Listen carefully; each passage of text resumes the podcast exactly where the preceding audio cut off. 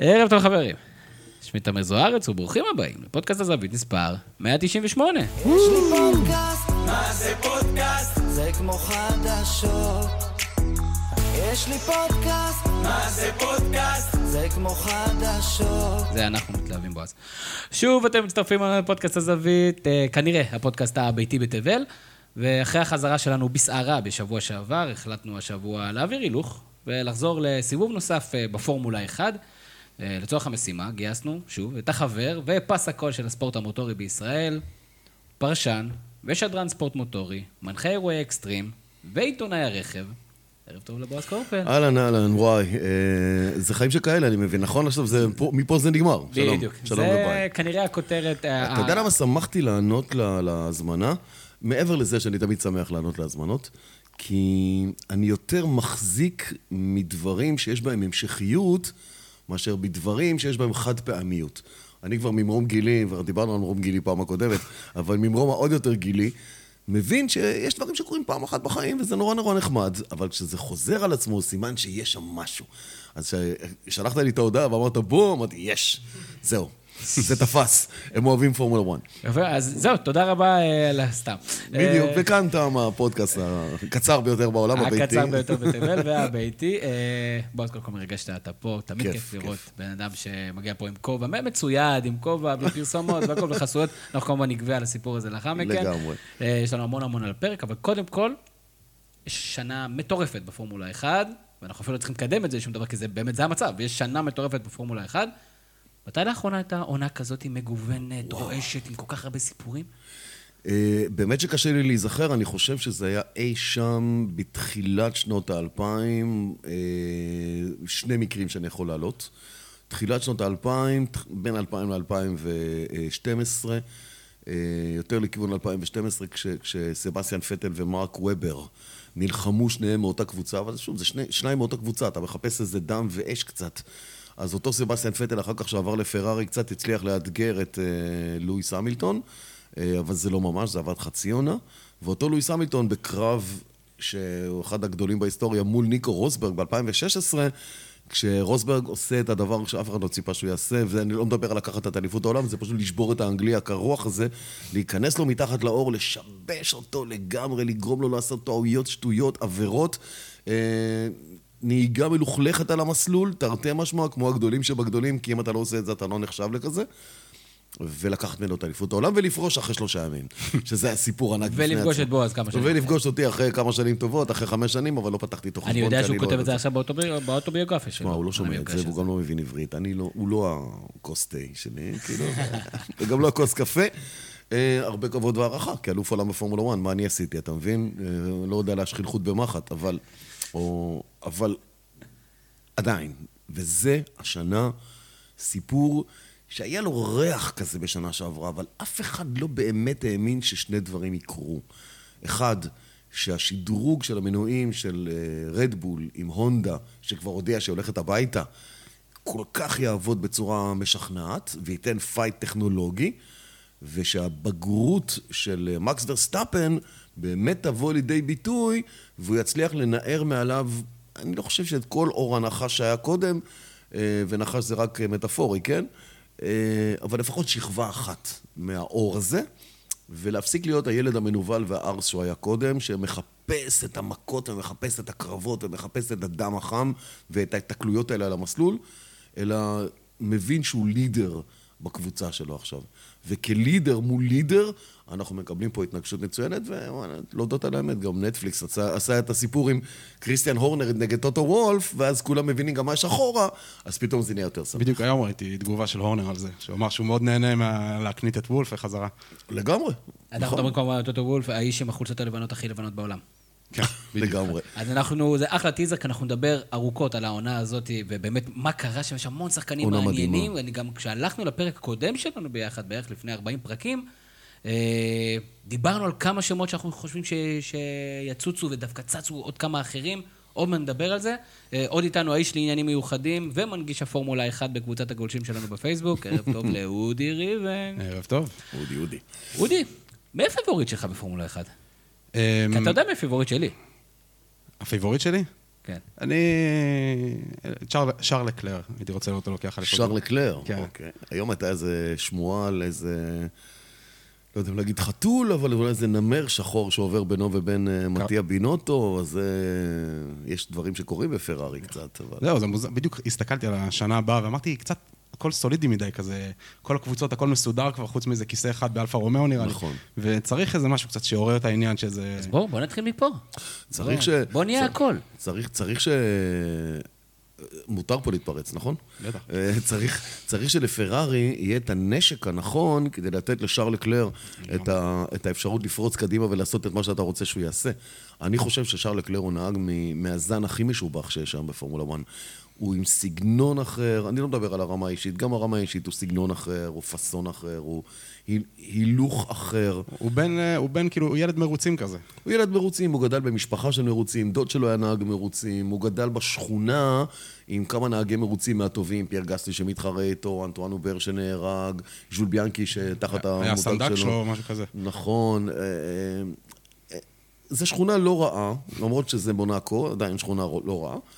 אה, והוא גדל באווירה כזאת, כאילו גדל, צמח ו- וטופח ו- ונותב לכיוון המקום שהוא נמצא. פרארי שמה עליו את, ה- את היד מהרגע שהוא היה נהג מאוד מאוד צעיר. היה שם עוד בחור צעיר, אם אה, מאזיננו המתעניינים במיוחד ירצו לכתוב את השם ארתור פיק, אה, והם יגלו שהצרפתי הזה היה אחד שדרס כל דבר שזז בתוך המסלול ולא מחוץ למסלול. היה כישרון אדיר, אדיר, אדיר, אדיר, שלא קרה איתו שום דבר בסוף, לא קרה איתו כלום, כי צריך גם הרבה מזל. אה, אילון אלמוג. אה, אז יש לנו הרבה דברים על הפרק, אה, גם נזכור, ניכנס באמת לנהגים, לשמות, וכמובן לפייבוריטים האישיים שלי. יותר ראובן עובד, אבל לא משנה, טוב, אה. מקבוצת מקלרן. ההפתעות, ההצלחות, הכישלונות, הסיפורים, יש המון המון סיפורים השנה, ממש בכל פרק יש סיפורים. נכון. כל פרק, כל מסלול, שהוא יכול להפוך כל להיות מסלול, פרק. כל, אה, כל תחרות, כל מרוץ. פערי הטכנולוגיה שמצטמצמים, אתה התחלת לדבר על זה במקרה של רדבול, אבל בכלל, עושה רושם שהכל קצת יותר צפוף, יש יותר יותר זוכים אחרים, אולי זה באמת כי נכנסו קצת מתחת לאור של אלוף העולם. אה, השפעות קורונה, קורונה עדיין פה, אז מעניין קצת לשמוע כן, טיפה יותר כן, זה, אנחנו ניתן לגמרי. על זה עוד מעט ב- בבולט, נדבר גם על נטפליקס, לפחות על מה, איך שאנחנו תופסים את איך שהעונה הרביעית תראה וההבדלים בין העונות. אה, גם כן על סרט, מיכאל שומכר, סרט הדוקומנטרי של חייו. דוקומנטרי שיצא ועשה באז גדול, אה, ואנחנו נשמע בטח את ה take שלך, בועז, על הסיפור הזה, וגם כן את הביקורת המקצועית, אה, כמובן, הפובליציסטית של אה, אודי בנושא. אה, חידושים לקראת העונות הבאות, מה נשאר לנו לקראת העונה הזאת, אה, ובואו באמת נתחיל אה, מהסרט. בואו נתחיל ממיכאל שומאכר, בואו משם? ככה אוקיי. a tribute ל- לאלוף העולם אה, אה, לשעבר, אחד המשמעותיים ובטח הבולטים והאייקונים ביותר בפורמולה. אז קצת על החוויה שלך, בועז, בתור מישהו שמכיר את הדברים מבפנים ולא היה צריך את ההנגשה של נטפליקס, ובכל זאת, מה חשבת על הסרט, ובכלל על הסיפור הזה, מיכאל שומכר. תראה, על האיש ו- ותרומתו וחלקו, אני חושב שצריך פחות לדבר, כי אלה עובדות. מה, פתח ויקיפדיה, תראה את הכל, כמה ניצחונות, כמה הפסדים, באיזה... יש פה איזה סיפור סינדרלה, זה נכון. האיש לא היה מגיע לאן שהגיע בהתחלה, אלמלא איזה נהג בלגי אה, בשם ברטרן גשו, אה, שנהג בקבוצת ג'ורדן ב-91, נכלא באנגליה על הסתבכות באיזה פאב. וחיפשו מישהו אחר, והסוכן היהודי של מיכאל שומאכר מצא את הסדק הזה, לקח ממרצדס איזה רבע מיליון דולר, שילם לאדי ג'ורדן, לבעלים של הקבוצה, קח אותו, הוא, הוא ילד טוב, הוא, הוא יכ- יכול למלא את מקומו, הוא לא ידע מי הוא אפילו. וגם בסרט על שומאכר, אדי ג'ורדן אומר, מיכאל הוא? הוא לא ידע מי הוא בכלל. היו צריכים להזכיר לו שהוא, שניצח במקאו ועשה ככה וככה. יותר עניין אותו הרבע מיליון דולר מאשר מיכאל שומאכר. אז משם יצא סיפור סינדרלה, ושנה אחר כך הוא גם ניצח שם באותו מסלול, ואז נחטף כמובן כמה מרוצים אחר כך בעונה הראשונה לבנטון, שגם זה סיפור בפני עצמו. אבל אני לא יודע מה חשבו האנשים שציפו לראות את הסרט. אני חושב שרוב האנשים, אני רק חושב, ציפו בסוף לראות את הדמות שלו איכשהו היום. יש איזושהי כמיהה לסגור את המעגל הזה, כי יש פה איזו אניגמה מאוד מאוד גדול- גדולה סביב המצב שלו פיזית, כולם חיים משמועות, פרגון אדיר לתקשורת בגרמניה שלא מוציאה מילה ו... והולכת עם המשפחה. אני לא יודע אם סיפרתי את זה פה או במקום אחר, אבל היו לא מעט מקרים של שרלטנים שניסו להתפלח לבתי החולים, הוא עבר כמה בתי חולים, אפילו אחד שהתחפש לכומר. וטען בפני המאבטחים בכניסה שהמשפחה הזמין אותו כי רוצים, הם רוצים וידוי, כי הוא קתולי והם רוצים וידוי, והוא בעצם מישהו שנכנס עם מצלמה ורצה לצלם אותו, והוא נתפס ברגע האחרון, וגם היה אחד שהצליח לצלם אותו, והציע את התמונות לבילד הגרמני ולעוד, ול... דר שפיגל. ולדר שפיגל, ו... הם לא קנו. הם לא קנו את התמונות, הם, הם פשוט הפנו עורף ואמרו, אנחנו מכבדים את המשפחה. אני מכיר כמה אתרים בישראל שהיו קונים את זה. שהיו רוצים וקונים מהר מאוד את התמונות. די אם נגיד אה, סרק סרק, כן? מישהו מחר עשה קצת כסף מהסרק סרק. אה, לא משווה, בכלל, לכאורה. אה, ו... ו... ואולי הם יתאכזבו שהם לא ראו בסוף ולו בתמונה, עזוב ווידאו, שמישהו מדובב אותו. ולא בתמונה, איך הוא היום? בוא, בוא אני אגיד לך מה, מה, מה הקהל חשב, אודי. מה אכזב אותך בסרט? כן. לא, הבעיה, לא בעיה. סרט נחמד, ואהבתי שאפילו, הופתעתי טיפה שגם הציגו טיפה צדדים שליליים שלו כנהג, שלא ניסו לייפות אותו כאיזה נהג מושלם ודמות אלוהית.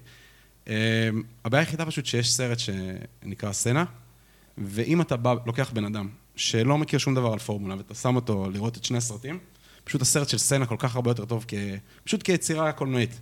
אפילו שדווקא שם הרבה יותר משקרים. מציגים את סצנה כדמות קדושה כזו, ואת אה, אלם פרוסט כנבל אה, מרושע. פשוט אה, סרט בסדר, ובמיוחד שהעשייה הדוקומנטרית בסרטי ספורט היום היא, אתה יודע, החל The Last Dance, ואפילו אפילו הסרט על פורמולה 1 מ-2013, שסוקר כאילו את ההיסטוריה של הענף, במיוחד כל התאונות וכל הדברים האלה, אז הסרט יוצא פשוט טיפה, קצת יבש. אנמי. תראה, אה, אני חושב שאמרת את התשובה תוך כדי. סנה הוא סרט קולנוע. להבדיל מהסרט הזה, שהוא סרט דוקומנטרי שלא מיועד לקולנוע. אה, סרט קולנוע, קח את Rush. מי שהלך וראה את Rush על הקרב בין אה, לאודה להאנט, לא יכול היה לצאת מהסרט בלי וואו כזה גדול, ו surround בקולנוע, ומכוניות, ומתים על המסלול, ועוד, אתה יודע, מזעזע. וסיפור שלאודה חוזר תוך חודשיים, שלושה, ונלחם איתו על אליפות העולם, כשהוא בעצם הולך לאבד את הריאות שלו, והוא מת, ונשרף בתאונה, חי. אה, סנה גם זכה בפסטיבל סאנדנס, אני חושב. כן. בקפדיה, כן. הבמאי שלו, הוא מומחה גדול מאוד בסרטים דוקומנטריים, הוא ביים סרטים, נכון. וגם סרטי ספורט, אני חושב על אחד מהגיבורים של הקריקט ההודי, או... או... והוא, ו- ופה בעצם ההבדל בין שני הסרטים, במה הבמאי והעורך רצה לעשות ולאן הוא רצה שתיקח את הסרט. אני מסכים איתך לגמרי שהסרט על שום אחר הוא בהגדרה סרט די שטוח. יש שם קצת עליות וירידות, שאתה רואה אפילו את הנקודות האלה שאני מאוד התרגשתי לראות איך בפרארי אפילו התחיל לגרד את הראש ואמרו, רגע, אולי טעינו שהבאנו אותו ובוא נעיף אותו. אה, כי הוא לא מספק את הסחורה. וזה היו הם שלא סיפקו את הסחורה, הם רק לא רצו להודות בזה. ו... ולא יראו, לא יראו, אחרי התאונה ב-99 בסילברסטון, שהוא שבר את שתי הרגליים שלו, לא יראו איך הוא חוזר באותה עונה למרוצים האחרונים, כשאדי ג'ורדן, אדי, אדי ארווין נוסע כן. איתו בקבוצה ונלחם נגד האקינן, והוא חוזר ומנצח. שום אחר חוזר מאותה עונה אחרי שהוא שובר את שתי הרגליים שלו. ולא יראו את זה. אני אומר, תפסתי את הרוב, what the fuck? אולי לא ראיתי טוב, בוא נחזור אחורה. מראים את המכונית נכנסת בגדר צמיגים, לא יראו את, ה, את, ה, את אחד הניצחונות הכי קונטרוברסליים שלו. כש, כש, כשהוא מנצח דרך הרחבת הטיפולים בסילברסטון, הוא מפסיד, סליחה, כשדיימון היל מנצח אותו דרך הרחבת הטיפולים בסילברסטון, כשהוא מקבל דגל שחור ונפסל, והנסיכה דיאנה, יראו את הפודיום, הנסיכה דיאנה, אבל מה היה הסיפור שם לא יראו, ואז הוא יצא באמת אחד הלא לא מוצלחים. אז היית בונה את הסרט אחרת. הייתי בונה את הסרט אחרת. הייתי בונה את הסרט אחרת. אה, חסרו לי דמויות, חסרו לי דמויות בסרט שידברו עליו. אה, אני לא חושב שאשתו דיברה יותר מדי או פחות מדי, זה לא הדיון. אבל סבסטיאן פטל, שעל הקיר שלו היו המייקים הכי גדולים, זה, כן, זה מייקל... שנייה וחצי בערך. כן, זה מייקל ג'ורדן, זה מייקל... אה, מי עוד היה שם? מיכאל לא, שטיך? לא, מיכאל שומאכר, כאילו זה מייקל ג'ורדן, זה מייקל שומאכר וזה מייקל ג'קסון. אלה היו המייקלים הכי גדולים בחיים שלו. שנייה וחצי, הוא קראו לו בייבי שומי. קיבל את ה nickname בייבי שומי, והוא הכניס שם משפט וחצי. לי, באופן אישי, כדי לסגור את הסיפור, הסרט הזה יותר פגש אותי מאשר אני פגשתי אותו. הסרט הזה לקח אותי אחורה, לאיפה אני הייתי באותם שנים, ואיך אני זכרתי ותפסתי את האירועים האלה, אה, ואיך אני מסתכל עליהם היום. ואני חייב להודות באוזניכם, שזה זה עשה לי כמו מקל הקסמים של גבי ודבי, זה החזיר אותי אחורה לגמרי, הייתי במנהרת הזמן, כאילו ממש חזרתי להיות אותו אחד באותו גיל ב-1990 שחוזר אחורה. חבר'ה, זה 30 שנה אחורה, אז הייתי בן 20 ומשהו, ו... וחוויתי את אותן חוויות, והתרגשתי, וידעתי מה הולך לקרות, אבל עדיין. זה משהו שאני חייב להגיד על סרטי פורמולה בכלל, הכמות חומרי ארכיון שיש להם, גם מתקופות כביכול לא הכי דיגיטליות, היא פשוט מדהימה. נגיד הצילום הזה של סצנה מדבר שם עם שום אחר, בתחילת הסרט, דברים כאלה. וגם בסרטים, אתה יודע, יש המון חומרים מצולמים משנות ה-70. הסרט של, גם ניקח לסרט של סצנה, יש פשוט המון חומר מצולם בפורמולה שזה... פשוט קרקע אדירה להמון המון סרטים תעודים מצוינים. הבעיה הכי גדולה הייתה אה, בחור אחד בשם ברני אקלסטון. הוא פשוט החזיק את הזכויות של הפורמולה 1 בשם קבוצות הפורמולה 1, הוא אמר, אין פה שום דבר חינם. זה לא, זה לא כמו העידן של היום שמוציאים, וערוץ יוטיוב, וטוויטר, ומה שאתם רוצים, וטיק טוק, ובלי סוף, אין. הכל היה אצלו, אתה רוצה? תקנה. אני לא אשכח לעולם, המרוץ הראשון שהייתי בו בפורמולה אחת, בתפקיד מקצועי לשדר מהמסלול, 2008, אה, מונזה. אה, שלטים שמסתובבים בתוך הפדוק, no cameras, no cameras, אנשים מסתובבים עם שלטים no cameras. עכשיו, אתה, מי שכן עם קאמרה, חייבת שיהיה עליה מדבקת אקרדיטציה. יש אקרדיטציה לך, ויש אקרדיטציה למצלמה. למצלמה. אם אתה מוציא מצלמה שהיא איננה עם מדבקה הולוגרמה כזאת, לוקחים אותך בנימוס, לא עושים בלאגן, בנימוס, אדוני, בוא נראה לך איפה היציאה מפה, כי אתה גנב. אתה באת לגנוב זכויות ולצלם דברים שאתה לא אמור. איזה עולם. תשלם כמה אלפי יורו עבור המצלמה, ואז... ו, וזה מדהים לראות איך כל בעלי התפקידים משתחווים למצלמה. כי אני יכול לדבר, אז דיברתי עם רובנס בריקלו. יכולתי לדבר עם רובנס בריקלו שעה. בשנייה שנכנסה מצלמה, הוא, הוא התעלם ממני לגמרי. הוא עבר למצלמה, כי הכבוד הוא קודם כל למצלמה ולמי ששילם. כל... כולם מאולפים בקטע הזה של להתייחס קודם כל לזכויות השידור ולמי ששילם עבורם ועוד ועוד ועוד. היום, תכלס חבר'ה, היום גם לא יכולים. כל אחד עם טלפון מצלם דברים, מעלים דברים, ביציע, אז... אבל זה מה שעושה את הרעש. זה מה שעושה, זה... בדיוק, זה מה שברני אקסטון ניסה למנוע, וזה מה, ש...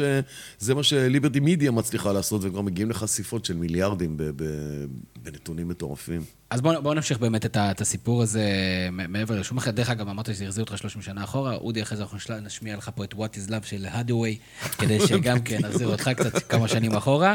אה, דוקטור אלבן, אם אתה רוצה. דוקטור אלבן, כן, זה יותר, מתחבר. It's my life, בדיוק. כן. אה, אל תבחנו אותי באייטיז, אני מעולה. אבל זה פודקאסט אחר. דרך אגב, רציתי לשאול אותך, האם הזיכרון שלך נפגע מתישהו? או... כי, תשמע, אתה שולף פה מספר, הייתי באיזה, באיזה ב-2008 במונזה, הייתי... יש מקומות, אני היום, ממרום גילי, שאני צעיר ממך מעט, יש היום דברים שאני מפספס כבר. אתה יודע, דברים שאני, אה, לא זוכר אם זה היה 2007, 2008, 2009. ואתה בתור מישהו שהבסיס שלו כל כך משמעותי, והשליפת נתונים, אתה משנן את זה? זה רק פחות... פה, שאתה כן עושה חזרה ממוקדת? אני, אני לא צריך לעשות חזרה, אני מודה. אה, מי שהיה איתי פעם בשידור ראה שאני מגיע, מה שנקרא פרי סטייל. בלי שליפים. בלי שליפים, בלי ניירות, בלי כלום, כי לימדתי את עצמי לחיות את האיבנט. כי, כי גם, לדעתי, בעולם המודרני של השידורים היום, זה פחות נכון, לא פחות חשוב או טוב, אלא פחות נכון. אה, מהפינה הזאת, לפני שישה משחקים, ההוא הגביה ומסר לצד השני. בוא, זה לא שם עכשיו. כאילו, לא שזה לא נכון, לא, לא שזה לא, לא שהנתון הוא איננו נכון, או שהטריוויה איננה חשובה, אבל היום כל אחד נגיש לטריוויה הזאת. בוא נחיה את מה שקורה. כל עקיפה בפורמולה 1 זה שער של מסי בדקה ה-91. אתם מבינים את זה? גם אם זה מזפין על שום אחר בזנב הטור, כל עקיפה היא, היא מלחמת עולם. כל זינוק למרוץ זה, זה התפוצצות של דברים. זה התרגשות, זה התנגשות של אינטרסים ושל כוחות ושל מאבקים. כבר אמרתי את זה יותר מהזדמנות אחת. המרוץ, או המשחק כדורגל, או הכדורסל, זה לא משנה מה, הוא סוג של אתנחתא מהחיים האמיתיים, של הספורט בכלל, כן? מה, אתם מדברים על כדורגל. כמה זמן אתה באמת מדבר על המשחק? אתה יכול לעשות פה פודקאסט של שעה על משהו, שקשור... אז את המשחק אתה מדבר חמש דקות, רבע שעה, זהו, סיימת במשחק. עכשיו אתה שעה שלמה טוחן על כל מה שהיה לפני המשחק, אחרי המשחק, כי אלה החיים. אבל במרוץ, מרוצי מכוניות, הם החיים. יש את כל העולמות שדיברתם עליהם, זה נכון, אבל המרוץ עצמו הוא החיים, כי המרוץ, מרוץ מכוניות, זה משהו שהוא הרבה יותר עוצמתי מכל משחק כדור אחר. אחד, אין בו תיקו. לא יכול להיות בו תיקו. ושתיים, יש שם איזה רוח כזאת שעפה מלמעלה, שנמצאת מלמעלה, שאתה הולך לראות משהו, ספר את זה לגרוז'אן בסוף העונה הקודמת, כאילו, שלעולם לא תראה, ואם מצמצת לרגע או הלכת לעשות פיפי, that's it. אתה צריך לראות את זה בלייב. אתה לא יכול לראות את זה אה, בשידור חוזר אחר כך. זה טוב בשידור חוזר אחר כך. אז עכשיו תאר לעצמך שאני אספר על הפנייה הזאת ובאיזה מהירות לוקחים אותה ובאיזה הילוך, שההוא מתפוצץ עם המכונית שם ו- וקוראים לו את הדברים הכי מטורפים שיכולים להיות ומחלצים אותו. תקשיבו, אני שידרתי תאונות שבהם נהגים ואופנועים ואופנוענים מתו. אני לא מתגאה בזה בכלל, אני ההפך, עצוב לי מאוד. אבל אתה מבין שאתה ברגעים שהם, שהם, שהם מחוללי שינוי ב- בהיסטוריה. התאונה הזו של גרוז'אן, מי זה גרוז'אן ומי זאת הקבוצה שלו בכלל, אתם מבינים? והיום הוא כוכב גדול באינדי, ואלמלא התאונה אולי הולך לשם, וכל מיני דברים. זה, זה מטורף. מי שעקב אחרי גורז'אן ידע שזה היה רק עניין של זמן, שיהיה לו תאונה פטאלית חוץ משאר התאונות הרגילות. שמע, כן. הוא, הוא, הוא חתיכת טיפוס, כן? בסך הכל, אני אומר לך, זה פקיד בנק מז'נבה, בואו, שלא נטעה, זה משם הוא הגיע, זה מה שהוא עשה בחיים, הוא היה פקיד בנק בז'נבה. אבל להיכנס אל הספורט כהבטחה גדולה, כאלוף פורמולה 2, כנהג באקדמיה של רנו, אחר כך להגיע למקומות מאוד גבוהים, ופתאום למצוא את עצמו בקבוצה אחורה אחורה שמפתיעה ועושה משהו קטן, ופתאום זה נגמר. זה, הוא, הפך לבדיחה, בסוף הוא גם הפך לבדיחה, והוא היה ממתנגדי ההיילו. הוא היה ראש וראשון מתנגדי ההיילו. אותו, אותה קשת שהצילה עכשיו את המילטון מלאבד את הראש בגלל אה, ורסטאפן, ואת הראש שלו, שזה, שלא לא נחתך שם ונערף באבו דאבי, בבחריין, סליחה, אה, במרוץ האחרון. זה, זה מטורף. רק לראות איזה קרמה יש סביב הדבר הזה. בכדורגל אין את זה, אני חושב. כאילו. בסדר, יש לי כדורגל גם כן לא, כמה אני- יתרונות. אני כן, מת על אבל- כדורגל.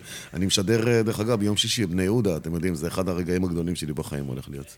אמיתי. באמת? כן. נגד מי הם עכשיו? כן. שמע, אה, מישהו לא יכל, אז אמרו בוא. מצוין. בוא נדבר באמת במילה על נטפליקס, אה, אה, Drive to Survive, עונה שלישית, עוד עונה מצוינת, עונה רביעית כבר מעבר לדלת. מה זה עשה לענף? בישראל טוב. אנחנו יודעים שזה טירוף. בכל העולם. בכל העולם, תמיר. אה, קודם כל זה מחבר אוכלוסיות, כי פתאום הסדרה יצרה איזה רובד כזה. תראה, הבעיות, תראו, הבעיות הכי גדולות של, ה, של הענף הזה בכלל, הם, הם הקסדות. שאתה לא, לא יכול להתחבר אל רגשות אה, של מי שנמצא שם ומה עובר עליו. אם כבר יש איזה מרוץ לילי והמשקף של הקסדה קצת שקוף, אתה יכול לראות את מבט העיניים שלו, את ה...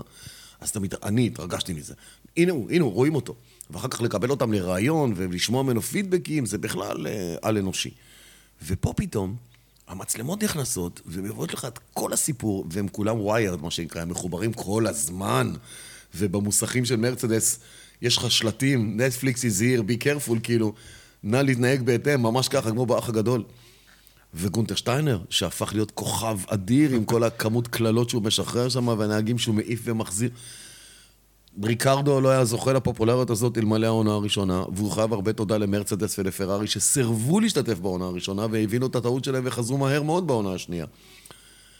ו- וגם העונה השלישית והסיפור של גרושן, כי כל פרק, האמת היא שזה מאוד מסקרן אותי לדעת, ואני לא, לא בטוח שהם בעצמם יודעים, כי העונה, הסדרה קורית תוך כדי שהעונה נולדת ו- ו- ומתקדמת. תנסו אתם רגע להיות העורכים, אני אשאל אתכם, נגיד שאתם צריכים להיות אלה שעורכים את הכיוון של העונה הזאת. אחת הייתה על המרוצים, אחת הייתה על הקבוצות, אחת הייתה על הנהגים. מה יעשו עכשיו? לאן יקחו את הסיפור? יש כאילו- מאבק אליפות סוף סוף. יש מאבק אליפות, כאילו לראש בראש, אז אולי זה יחטא לאחרים, כאילו... תשמעו, יש פה יותר- מדי סיפורים חוץ ממאבק אליפות, כן. אני חושב שהקאמבק בואו בואו הקאמבק של אלונסו. בואו נתחיל לדבר על השנה הזאת, לפחות נתמקד. הבעיות של בוטאס, כאילו, יש שם מקרים... אז בואו בואו ניתן טופ שלוש, טופ שלוש אירועים. אין כרגע טופ שלוש, כאן. אין טופ שלוש. אה, אין טופ שלוש, אין. טופ שלוש, אני מצטער, אין טופ שלוש. בואו נדבר על טופ חמש, אולי. יאללה, בוא נתחיל. בסדר, top שלוש. תשמע, הפסיכולוגים של בוטאס מרוויחים עכשיו, בזמן שאנחנו יושבים פה, ערימות של כסף להגיד לו שהוא נהג טוב, והוא מצוין, ולהרים אותו, אתה יודע, זה לא סיפור. בואו בואו- בואו נדבר על זה. בוא נדבר על זה. כאילו, קודם כל, באמת, ב top-top זה, זה ורסטאפן המילטון, סוף סוף. ו... ואני חושב שהמילטון בעצמו אמר את זה, שהוא הוא, הוא צריך את המלחמה, הוא חי את המלחמה. היה לו קל מדי בשנים אני חושב, אני, אני אישית חושב שהוא, אני מדבר בשם ישראל, לא מדבר בעולם. ממה שאני מרגיש פה, אני חושב שהוא פחות מוערך ממה שהוא צריך להיות באמת. אנשים לא ממש מבינים או לא, לא יכולים להבין, ולא שאני מבין, אני לא שם את עצמי מעל אף אחד, סליחה, ושלא אשתמע מכך, אבל להבין את העומק של להיות שבע פעמים אלוף עולם, ויותר משבע פעמים אלוף עולם, גם הפעמים, כמות השדים שיש לו בתוך הקסדה, שהוא צריך להתמודד איתם, והמחויבויות, קיבל תואר סר עכשיו אה, בתחילת השנה, כאילו המלכה, המלכה זרקה לו ככה איזה תואר אבירות כזה על הדרך. אני לא חושב שיש ספורטאי בעולם שיכול להתמודד אינדיבידואל, אני מדבר, לא בקבוצה, לא, לא מוריד מרונלדו, מסי, לברון או, או, או, או אף ספורטאי אחר, אבל הם לא אינדיבידואלים. הם עדיין, לברון, כמה שאומרים שלברון הוא גדול והוא מנצח להם משחקים, זה נכון, אבל הוא לא יכול לשחק לבד נגד חמישה. הוא לא יכול. הוא עדיין צריך את הארבעה עוזרים שלו. אה, ובסוף זה המילטון והמכונית, וההחלטות שהוא צריך לקבל בזמן אמת, כמו כל נהג אחר. אז אני חושב, אני חושב שהוא הגדול ביותר בכל הזמנים. אני חושב שהוא הגדול ביותר בכל הזמנים, כי אני מכניס את המכלול של כל הדברים שהוא צריך לעבור. זה לא מוריד מסצנה, שומאחר, אה, לאודה, פנג'ו. פרוסט, פנחיו, אף אחד אחר. כל אחד הביא את זה שלו. היו גם את האלופים החד פעמיים. היה את רוסברג, היה את דיימון היל, היה את אה, ז'אק וילנב, היו את הנסיכים, שהם בנים של... מה אתה אומר, אודי? מי הכי גדול? המילטון הכי גדול?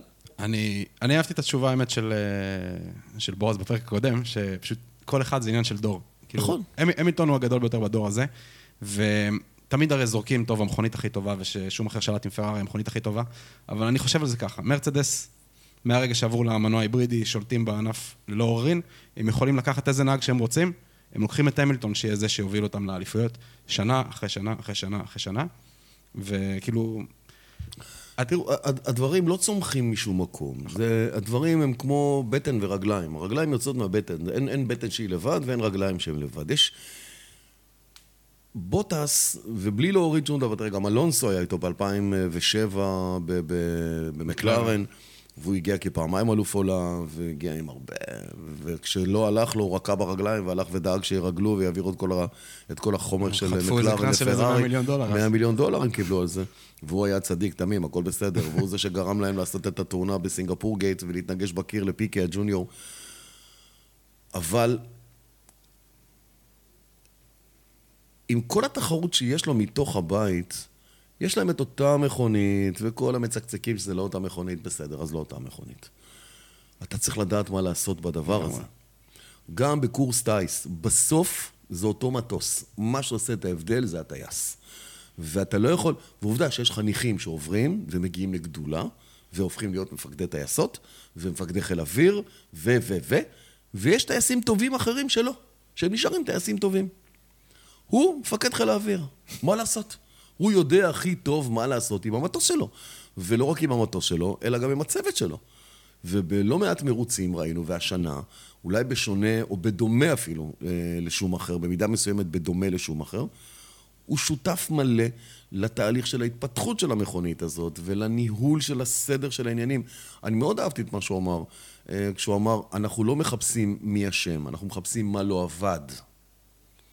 זה עניין של תרבות ניהול של קבוצה, של ארגון. זה נכון בכדורגל, זה נכון בכל דבר שאתה רוצה, גם אצלכם בעבודה או בכל מקום. מה אתה מחפש כשיש... אין, שום דבר לא עובד חלק, בשום מקום. עכשיו, מה אתה מחפש כשזה נתקע? אתה מחפש למה זה נתקע, או מי גרם לזה שזה ייתקע. והם מחפשים למה זה נתקע כדי לפתור את זה, ומחפשים גם מסביב. זה שהם משתמשים בבוטס, בסדר. לא, לא, לא, לא עוד הרבה זמן. אז בדיוק, נשאר להם עוד שבעה מרוצים, ואז אה, די. מי האכזבה הכי גדולה מבחינתך השנה? ואז ראסל יעשה לו שם בלאגן. זה אנחנו באים בעתיד. אכזבה. אני חושב שהאכזבה...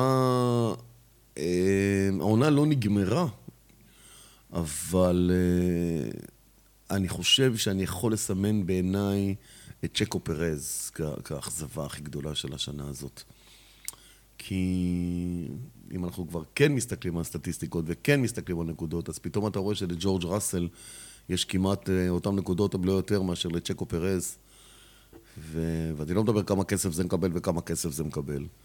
אה, צ'קו קיבל את ההזדמנות של החיים שלו, ועכשיו הוא קיבל סיבוב נוסף. הוא היה בטוח שזה נגמר לו, הרי שנה בטוח זה שעברה. נגמר. אחי, הוא היה במרחק של שלושה ימים מלהישאר במקסיקו סיטי ולהרגיש את האלי אימא שלו. אה, או למצוא את עצמו באמריקה באיזה סדרת מרוצים כזאת או אחרת. והוא קיבל את ההזדמנות ששום נהג בהיסטוריה של רדבול לא קיבל. צ'קו הוא לא נהג של רדבול. כשמדברים על תרבות, רדבול היא קבוצה שמצמיחה את הנהגים שלה מתוכה, מאז שהם ילדים קטנים, ועד שהם הופכים להיות נהגים בוגרים. שיש להם. כנפיים. כן, בדיוק. ואז הם ממש בורחים, כמו קרלוס סיינס. והוא לא קשור למחנה שלהם ולקבוצה שלהם, וזה אפילו סוג, לא אגיד סכין בגב או לא סכין בגב, אבל הם שלחו הביתה את אלכסנדר אלבון, שקיבל את כל מה שרק אפשר כדי לעשות ולא הצליח. אבל אם אתה מסתכל על מה שאלבון עשה בעונה שעברה ומה שפרז עושה היום, אלבון עשה יותר. אלבון עשה יותר. אז לפרז אין 120 נקודות? מ, לא בטוח. אוקיי. לא יודע. אבל אתה אומר, הוא לא מספיק 120 דומיננטי הוא לעומת... על 120, אבל הוא במוקדמות, הוא הוא תמיד צריך להשלים את הפער מאחורה, ורדבול מצפים שהוא יעזור לוורסטאפן מקדימה בתחילת המרוץ. אה, תראה, קבוצה היא, היא סוג של אה, דבר מאוד מאוד מאוזן. זה נכון ששתי המכונ... כל מכונית היא בפני עצמה, עם הצוות שלה ועם המטרות שלה, אבל יש איזו מטרת על. המטרת על של כל קבוצת פורמולה 1 היא לנצח בשם הקבוצה כדי להחזיר את הכסף ואת ההשקעה ולשמור על הפדגרי. אתה לא יכול להיות קבוצה, לא יודע, של איזה ענף ספורט בעולם שאתה רוצה, ולהרשות לעצמך לסיים בתחתית הליגה. אנחנו קבוצות כדורגל ישראליות, אתה לא יכול. בשביל זה אתה שם את כל הכסף, כדי להביא את השחקנים הכי טובים, את המאמנים הכי טובים, את השיטות, את הטכניקות, את הציוד, אתה עושה הכל כדי להיות בטופ. אז נכון שאתה מייצר שחקנים, ואחר כך יכול למכור אותם גם במחירים מאוד יקרים, כי מזה אתה חי, או זכויות שידור או הצלחות. במרוצי מכוניות, הניצחונות הם הפדיגרי שלך, הם, ה, הם, הם הכרטיס ביקור שלך. ואנשים צריכים לשאוף להיות איתך, וכדי לשאוף להיות איתך צריך לשלם הרבה מאוד כסף. אם אתה מאבד את זה, אתה מאבד הרבה, הרבה כסף. אז צריך פה הרבה משחק קבוצתי ואישי ביחד, ולדעת איך לנהל אותו כל הזמן. איך לנהל אותו כל הזמן. אה, וטוטו וולף וקריסטיאן הורנר טובים מאוד בלנהל את זה. גם דמויות מאוד מאוד מעניינות ושונות מאוד. ב- בעל של Spice Girl זה לא הולך ברגל. זה נכון, זה נכון. איך קוראים לו? Ginger? Ginger Ginger Spice. ג'רי. הלוול. ג'רי הלוול. נכון. אה, סיפור נוסף, לוקח אותנו שוב לפרק מלפני שנה וחצי, ושאלתי אותך, אוקיי, מי, מי הולכים להיות השמות הבאים? ואתה אמרת מקס ורסטאפן, כמובן צדקת, ודיברת על אה, ג'ורג' ראסל, ואנחנו נראה בשנה הבאה אם הוא הולך to lead אני חושב שהוא כבר הוכיח את עצמו, אתה יודע, גם בשנה שעברה, כשהוא קיבל את ה-one shot להוכיח את עצמו כמחליף של המילטון, שחטף איזה קורונוש, אה, לעשות משהו, אז הוא הוכיח שלהיכנס אל הנעליים שלו ולהסתדר איתם, אמנם עם איזה ספידה בפנים כזאת שיתאים בגודל, כי הוא היה כזה ארוך והמילטון הוא מטר ארבעים ושבע, אז אה, זה עבד. הביא, אה, המזל לימדה אותו, חכה, יש זמן, זה לא עכשיו. סתם אבל הראת- חכה טיפה. אבל הראת היכולות. נכון, כמו שקרה ללנדון אוריס במרוץ האחרון, שרצה יותר לבלוע, אתה- מקדים אותי. רצה לבלוע יותר ממה שיכול. אתה מקדים אותי כרגיל. אז הוא היה... אז- ואז אז- אמרת שרלי קלר, לקלר. גם על זה, ואמרת גם כן למה הוא בסגנון אחר, ומי שלא אמרת, זה לנדון נוריס. לנדון אוריס. ואיכשהו, דניאל ריקרדו, אני יודע למה התאהבתי בו, אתה הסברת לי שזה בעונה הראשונה, אבל לנדו נוריס, למה אני מאוהב בלנדו נוריס? כי לנדו, אה, לנדו לא בא עם שום הילה. הוא לא בא עם שום הילה. ג'ורג' ראסל, אלוף עולם בפורמולה 2, שארל לקלר, אמרנו, אקדמיה של פרארי, ילד מפונק, עם קבלות, שהלך לעבוד קשה באלפה רומאו והוכיח שהוא גם שווה את זה, הוא לא סתם קיבל את הכיסא בפרארי, הוא בין הנהגים הבודדים, אם לא ה... בהיסטוריה שקיבל חוזה קדימה לחמש שנים בפרארי, החתים אותו השנה חמש שנים קדימה. אתה יודע, בא קרלוס סיינס, אומר, למה לא אני, כאילו, מה, מה הוא? לא יודע כמה סכום שהוא יקבל, אבל הוא... לא, הוא לא... לקלר- אם הכל ילך לפי התוכנית, הוא אמור להיות הפנים של הספורט הזה בעוד אה, שלוש שנים. אחד מהם, בוא כן. נגיד ככה, באמת שאחד מהם. כי זה, זה הדור, מה שאנחנו רואים עכשיו זה באמת הדור הבא שיילחם. כשרייקונן יהיה כבר בשנה הבאה בחוץ, אחריו פטל והמילטון וזה, אלה, אלה השמות החזקים. לנדו לא זכה בשום אליפות כזאת. אבל לנדו, לנדו הוא משב רוח מרענן מטורף, מצחיק, מגניב.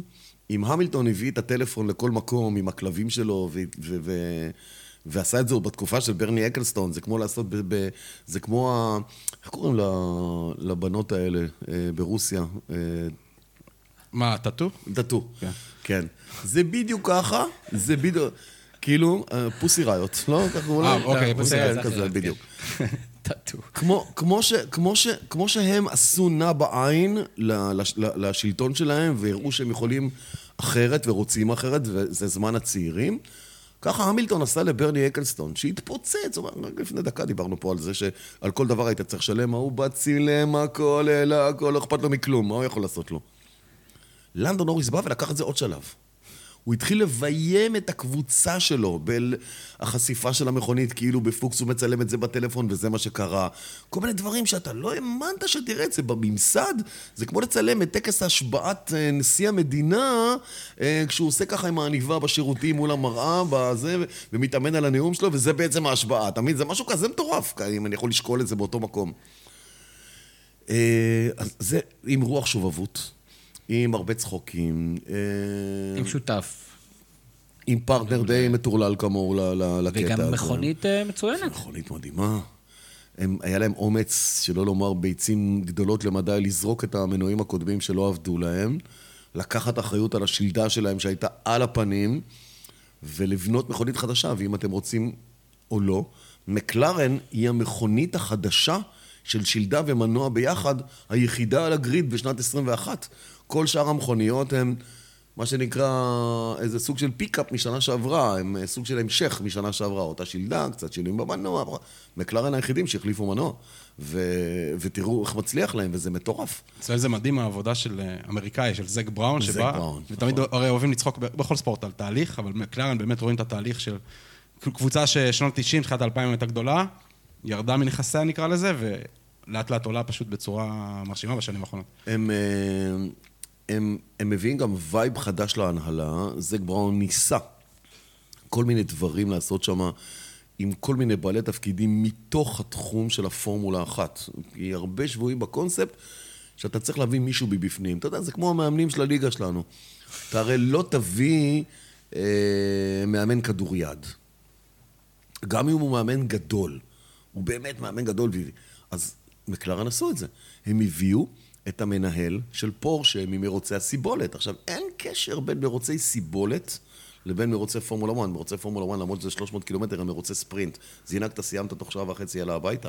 מרוצי סיבולת זה 6 שעות, 8 שעות, 12 שעות, 24 שעות. צוות שעובד אחר, בתזמונים שונים, במשימות שונות. נשמע כמו המשימה שלי עם הילדות בג'ימבורי. כזה, זה נכון, 12 שעות, 14 זה- שעות. זה שעות מאוד ארוכות. הכל מתנהל מאוד מאוד לאט. כן. והוא הביא מישהו משם, כי הוא האמין בניהול שלו. הוא האמין בניהול שלו. עכשיו, וויליאמס עשו אותו דבר.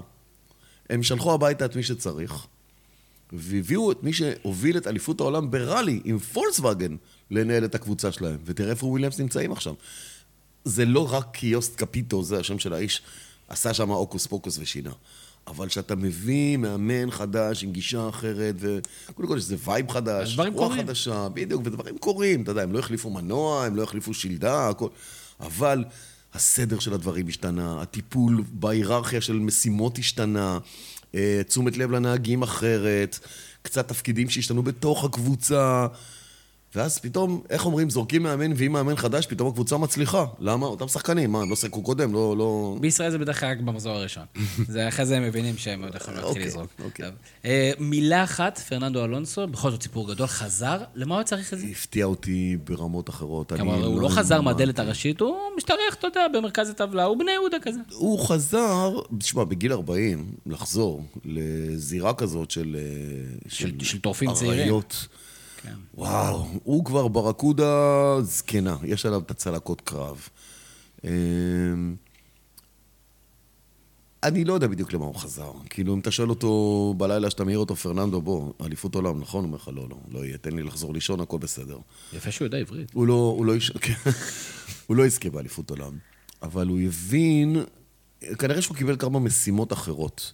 והמשימות שהוא קיבל זה משימות ייצוב יש גם משימות עיצוב. כי לפני שאתה מתחיל ללכת, אתה צריך לעמוד ואתה צריך לעמוד ישר. ואחרי שאתה עמדת ישר, ויש לך את הביטחון ואתה יציב, אז תתחיל להתקדם. ואלה המשימות שפרננדו אלונסו קיבל כדי לייצב ולהשקיט את כל המערכת המטורפת של רנו, שלא ידעה לעשות כלום ממה שיש לה. אה, סיריל אביטבול הלך לאיבוד. אלן פרוסט נמצא שם בגלל הכבוד, אני לא רואה אותו עושה שום דבר בקבוצה הזאת. פשוט כלום. אה, אה, הם, גם הם החליפו את הצוות שלהם. הם שלחו הביתה את סיריל אביטבול, הם פשוט סגרו לו את המייל ולקחו לו את הכרטיס כניסה ביום אחד, אף אחד לא אמר עד היום למה, והבן אדם נעלם. נעלם, נעלם, משולש ברמודה של הפורמולה 1, הבן אדם הזה נעלם, האדמה בלעה אותו, לא יודעים איפה הוא. הוא היה כוכב בעונות של Drive to Survive. הוא היה כוכב, בטח, כי הוא הלך מכות עם קריסטיאן הורנר על המנועים, כן, לא, ודווקות וכל הדברים האלה. נעלם כאילו האדמה בלעה אותו. והוא משלנו. פעם האדמה בלעה לנו כמה. לא נעים. אז, ופתאום הביאו אחד, פולני, מרצ'ין בודקובסקי קוראים לו, שזה כמו שם של פקיד בהסתדרות של, של, ה, של ועד הנמלים שם בגדנס. ב, לא, לא, בגדנס, זה עיר הנמל שלהם, זה גדנס. כמובן, משם, כמובן. משם הגיע לך ולנסה, אתם יודעים, אבל הוא היה פועל. מי שהיה צריך את מזכיר הפועלים, מרצ'ין בודקובסקי, אבל הוא חתיכת שועל, הבודקובסקי הזה. כי הבודקובסקי הזה, בתפקידו הקודם, הוא היה נציג של ה-FIA, שבדק את כל הנתונים הטכניים של כל הקבוצות. כלומר, אם קבוצה הייתה צריכה לשנות משהו, הם היו באים אליו ומראים לו הכל. אם מישהו התלונן על מישהו, היו באים אליו, הוא היה בורר. הוא היה מרגל. הוא היה מרגל. כל המידע על כל הקבוצות היה לו, הכל. אז הם הביאו אותו. בסדר, היו צריכים לעשות לו גינון, תקופת גינון של איזה שנה, אבל אחר הגינון הזה יש להם שחקן טוב בידיים. הגיע בוס חדש לרנו, כי תראו, צריך להסתכל גם באיזה פוקוס גדול, סליחה, באיזה זום גדול אחורה. רנו לא נמצאים שם בשביל אה, פרננדו אלונסו, ולא בשביל אה, סטבן אוקון, ולא בשבילי. זה race on Monday, race on Sunday, sell on Monday, זה בדיוק הסיפור מבחינתם של רנו. הם צריכים להוכיח שהם כוח חזק באירופה. עד שפולקסווגן ייכנסו, והם ייכנסו, תאמינו לי, אולי בפודקאסט 242 שתעשו פה אני אהיה. אז הנה פה הבטחה, פולקסווגן ייכנסו. תחת אאודי, פורשה, כזה מיתוג, אולי למבורגיני, משהו, זה חרטוט אחר, אבל הם ייכנסו למכוניות של רדבול, אחרי שרדבול יזרקו את המנועים של הונדה, פולקסווגן ייכנסו. הדרך נסללת אליהם עכשיו. מעניין. אה, כן, אז רנו שם לא בשביל להתמודד עם פרארי ומרצדס, הם לא בעולמות האלה. הם לא. אבל ב... הם שם להיות הקהל, בשורה הראשונה. על דעת הקהל האירופאית, שהם בפורמולה 1 והם מנצחים, והטכנולוגיה שלהם טובה, ובלה בלה בלה, הם רוצים, ודרך אגב, הם הולכים גם ל-24 שעות של למאן כדי להילחם עם פז'ו. כי פז'ו נכנסים למרוצים, והם הולכים גם לשם כדי להילחם איתם. יש מצב שיהיו הרבה תקלות. ויש... המזגנים לא יעבדו, ויש בוס חדש. חלון. הסיפור הזה, חלון. אה, הם גם הלכו לרע והוא אמר להם להחליף את השם. באמת? כן, לאלפין. כן. כן, הם שינו את השם לאלפין. אה, אז פרננדו אלונסו, אני נהנה מזה שהוא שם. ההתחלה הייתה די צולעת, נכון? כן. הוא לא, לא ממש פגע. אבל המרוצים האחרונים, תענוג, תענוג, פשוט תענוג. אה, בוא נדבר קצת קורונה.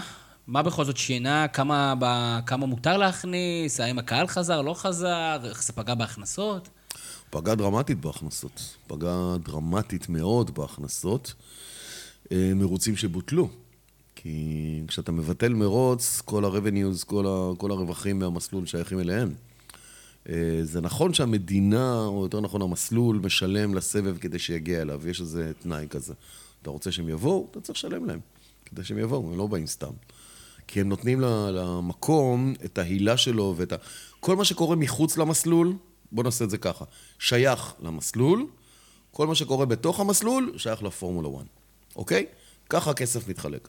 אז כל החנויות, מהבירות והנקניקיות... בקיצור, הסוכר. לא, בדיוק, כל העגלות של הסעות סבתא, המטריות, המתנפחים, הפטישי אוויר, הכל, כאילו, הכל, הכל שייך למסלול. הם מוכרים את הזיכיונות האלה, כמו דוכנים של יום העצמאות, אותו דבר. פסטיבל המכולות בכרמיאל. נכון, כזה. לא, לא קורה כבר, נכון. לא יודע, אבל מבחינתי זה קורה. אה, מתי חוללת שם פעם אחרונה? היה לנו כמה שנים. חוללתם, באמת? אה, לא חוללנו, היינו מארחים, היינו תושבים. תושבי כרמיאל אתם? תושבי כרמיאל. די. כן. עד שבאה הרכבת עזבתם? בגלל שבאה הרכבת, הצלחנו לצאת. הפסידו, הפסידו כמויות של כסף. מיליארדים של דולרים הם הפסידו. וואו. מיליארדים. והקורונה הזאת לא ריחמה עליהם, והממשלות לא ריחמו עליהם. והציר, הציר המחולל לכל הבלגן זאת אנגליה. כי שבע מתוך עשר הקבוצות נמצאות באנגליה. וכשאנגליה מכריזה על מדינה מסוימת כאדומה, אתה יכול לנסוע אליה, אבל כשאתה חוזר, שבועיים בידוד. עכשיו, מה שבועיים? באמא שלכם, יש לי מרוץ עוד שבוע. אני צריך לחזור לסדנה שלי, לשפר את המכוניות, לתקן, לאסוף, להתארגן ולצאת למרוץ הבא. אין דבר כזה, שבועיים בידוד. אתה רוצה, תקיף את המדינה שלנו בים. יש לך בעיה, אתה לא יכול לחזור. ואז נאלצו לפסול מרוצים כי לא יכלו לחזור לאנגליה. זאת הסיבה. וואו. עכשיו, היו מדינות שגם בעצמם, אתה יודע, לא רצו אורחים. יפן, ראית מה קרה באולימפיאדה. אל תבואו, לא צריך, תודה רבה, אנחנו זה, שום דבר. ביפן לא יקרה כלום עוד חמש שנים. אה. הולנד. אוסטרליה. אוסטרליה, דרך אגב, עד עכשיו היא לא אדומה, אוסטרליה היא בורדו בוהק כבר הרבה זמן. אה, הולנד, היה צריך להיות שנה שעברה, ועוד היה הוא-הא סביב ורסטאפן מרוץ ראשון, לא קרה. עכשיו, שבוע לפני המרוץ, המ- הפרלמנט ההולנדי אישר להם, ורק ב-70 אחוז. עכשיו, היו מדינות ששמו, אתם יודעים מה, את האות הזאת בין זין, ל- סליחה, בין ו' לח'. עשית ספוילר. בדיוק. כן. גיליתי את האות. ואמרו, מה אכפת לנו? תביאו, רוסיה כאלה, ופורטוגל שפתחה, בכלל פורטוגל התעלמה מהעולם, וכולם רצו לפורטוגל לעשות מרוצים בפורטוגל, כי פורטוגל זה היה כאילו הדבר הכי בטוח. לא, קודם כל התחילו בלתת אה, דר- דרכונים לישראלים, ואחרי זה הם עברו למי שרוצה שיבוא. אני, יש לי טיפ בשבילך. כן. אם אתה שם חצי מיליון יורו בבנק, בפורטוגל, אתה יכול להיות חייזר, לא ישראלי. אתה תקבל דרכון. דרכון פלטינום אתה תקבל. רק שים חצי מיליון יורו בבנק, בפורטוגל, ויש לך דרכון. אתה תושב פורטוגל, אז אני אני אין משקיע פוטנציאלי. תקשיב, מה זה חצי מיליון יורו? בוא, בחייאת תמיר. מה זה חצי מיליון לא, יורו? בוא- היורו- היורו גם ירד. בוא נדבר על זה. חצי מיליון יורו זה שני מיליון שקלים? שני מיליון שקלים, אתה תושב פורטוגל, והחצי מיליון יורו לא נשארים בבנק. קח איתם ותקנה בית. עכשיו, בית לא עולה חצי מיליון יורו בפורטוגל, הוא עולה 100 אלף יורו, 120 אלף יורו. זה חלק מהעבודות הנלוות שלך, כן? זה נדל"ן- מציגים. נדל"ן פורטוגלי, בדיוק. לעודד הגירה, לעודד הגירה. כן, אה, כמובן כל זה לא ייעוץ, ואנחנו לא זה, ובכלל אנחנו לא כל כך מכירים את בועז, הוא רק בא פעם שנייה. וכל מה- שנאמר כאן אה, בחסות ממשלת ספרד. בחסות נדל"ן בפורטוגל. נדל"ן בפורטוגל עכשיו. אה, אז עשה נזק. אה, מצד שני, זה הצמיח דברים שלא חשבנו שזה יצמיח. אוח, מה למשל? את האי-ספורט. כל עולם האי-ספורט קיבל בוסט מטורף, ותראו את הדבר הזה, הם הגיעו להסכם אה, עם חברת ארמקו, שזאת חברת הנפט הגדולה ביותר בערב הסעודית, שהיא הפכה להיות אחת הספונסרים הגדולים ביותר בפורמולה 1, ששמה מאות מיליונים כדי שהשלטים שלה יהיו במסלולים.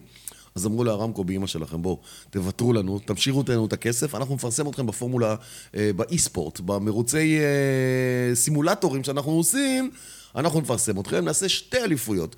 נעשה אליפות של סלבריקס, כאלה שיבואו, ועם נהגים, ויוטיוברים, ועוד ועוד. אתה זוכר את האליפות הזו?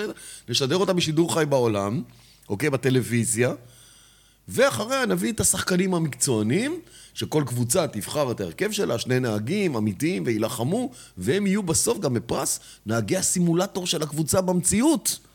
מי שאלוף הפורמולה 1 באי-ספורט הופך להיות נהג סימולטור של אותה קבוצה, שזה תפקיד מטורף. חזק. והיה פעם אפילו אחד כזה שהיה נהג של קבוצה, אבל לא בפורמולה 1. אחד כזה שהצליח להגיע, זה בריטי צעיר בשם יאן מרדברה, שהוא היה כוכב בסימולטורים שאי אפשר, בלתי ניתן, ל, ל, ל, ל, בלתי מנוצח.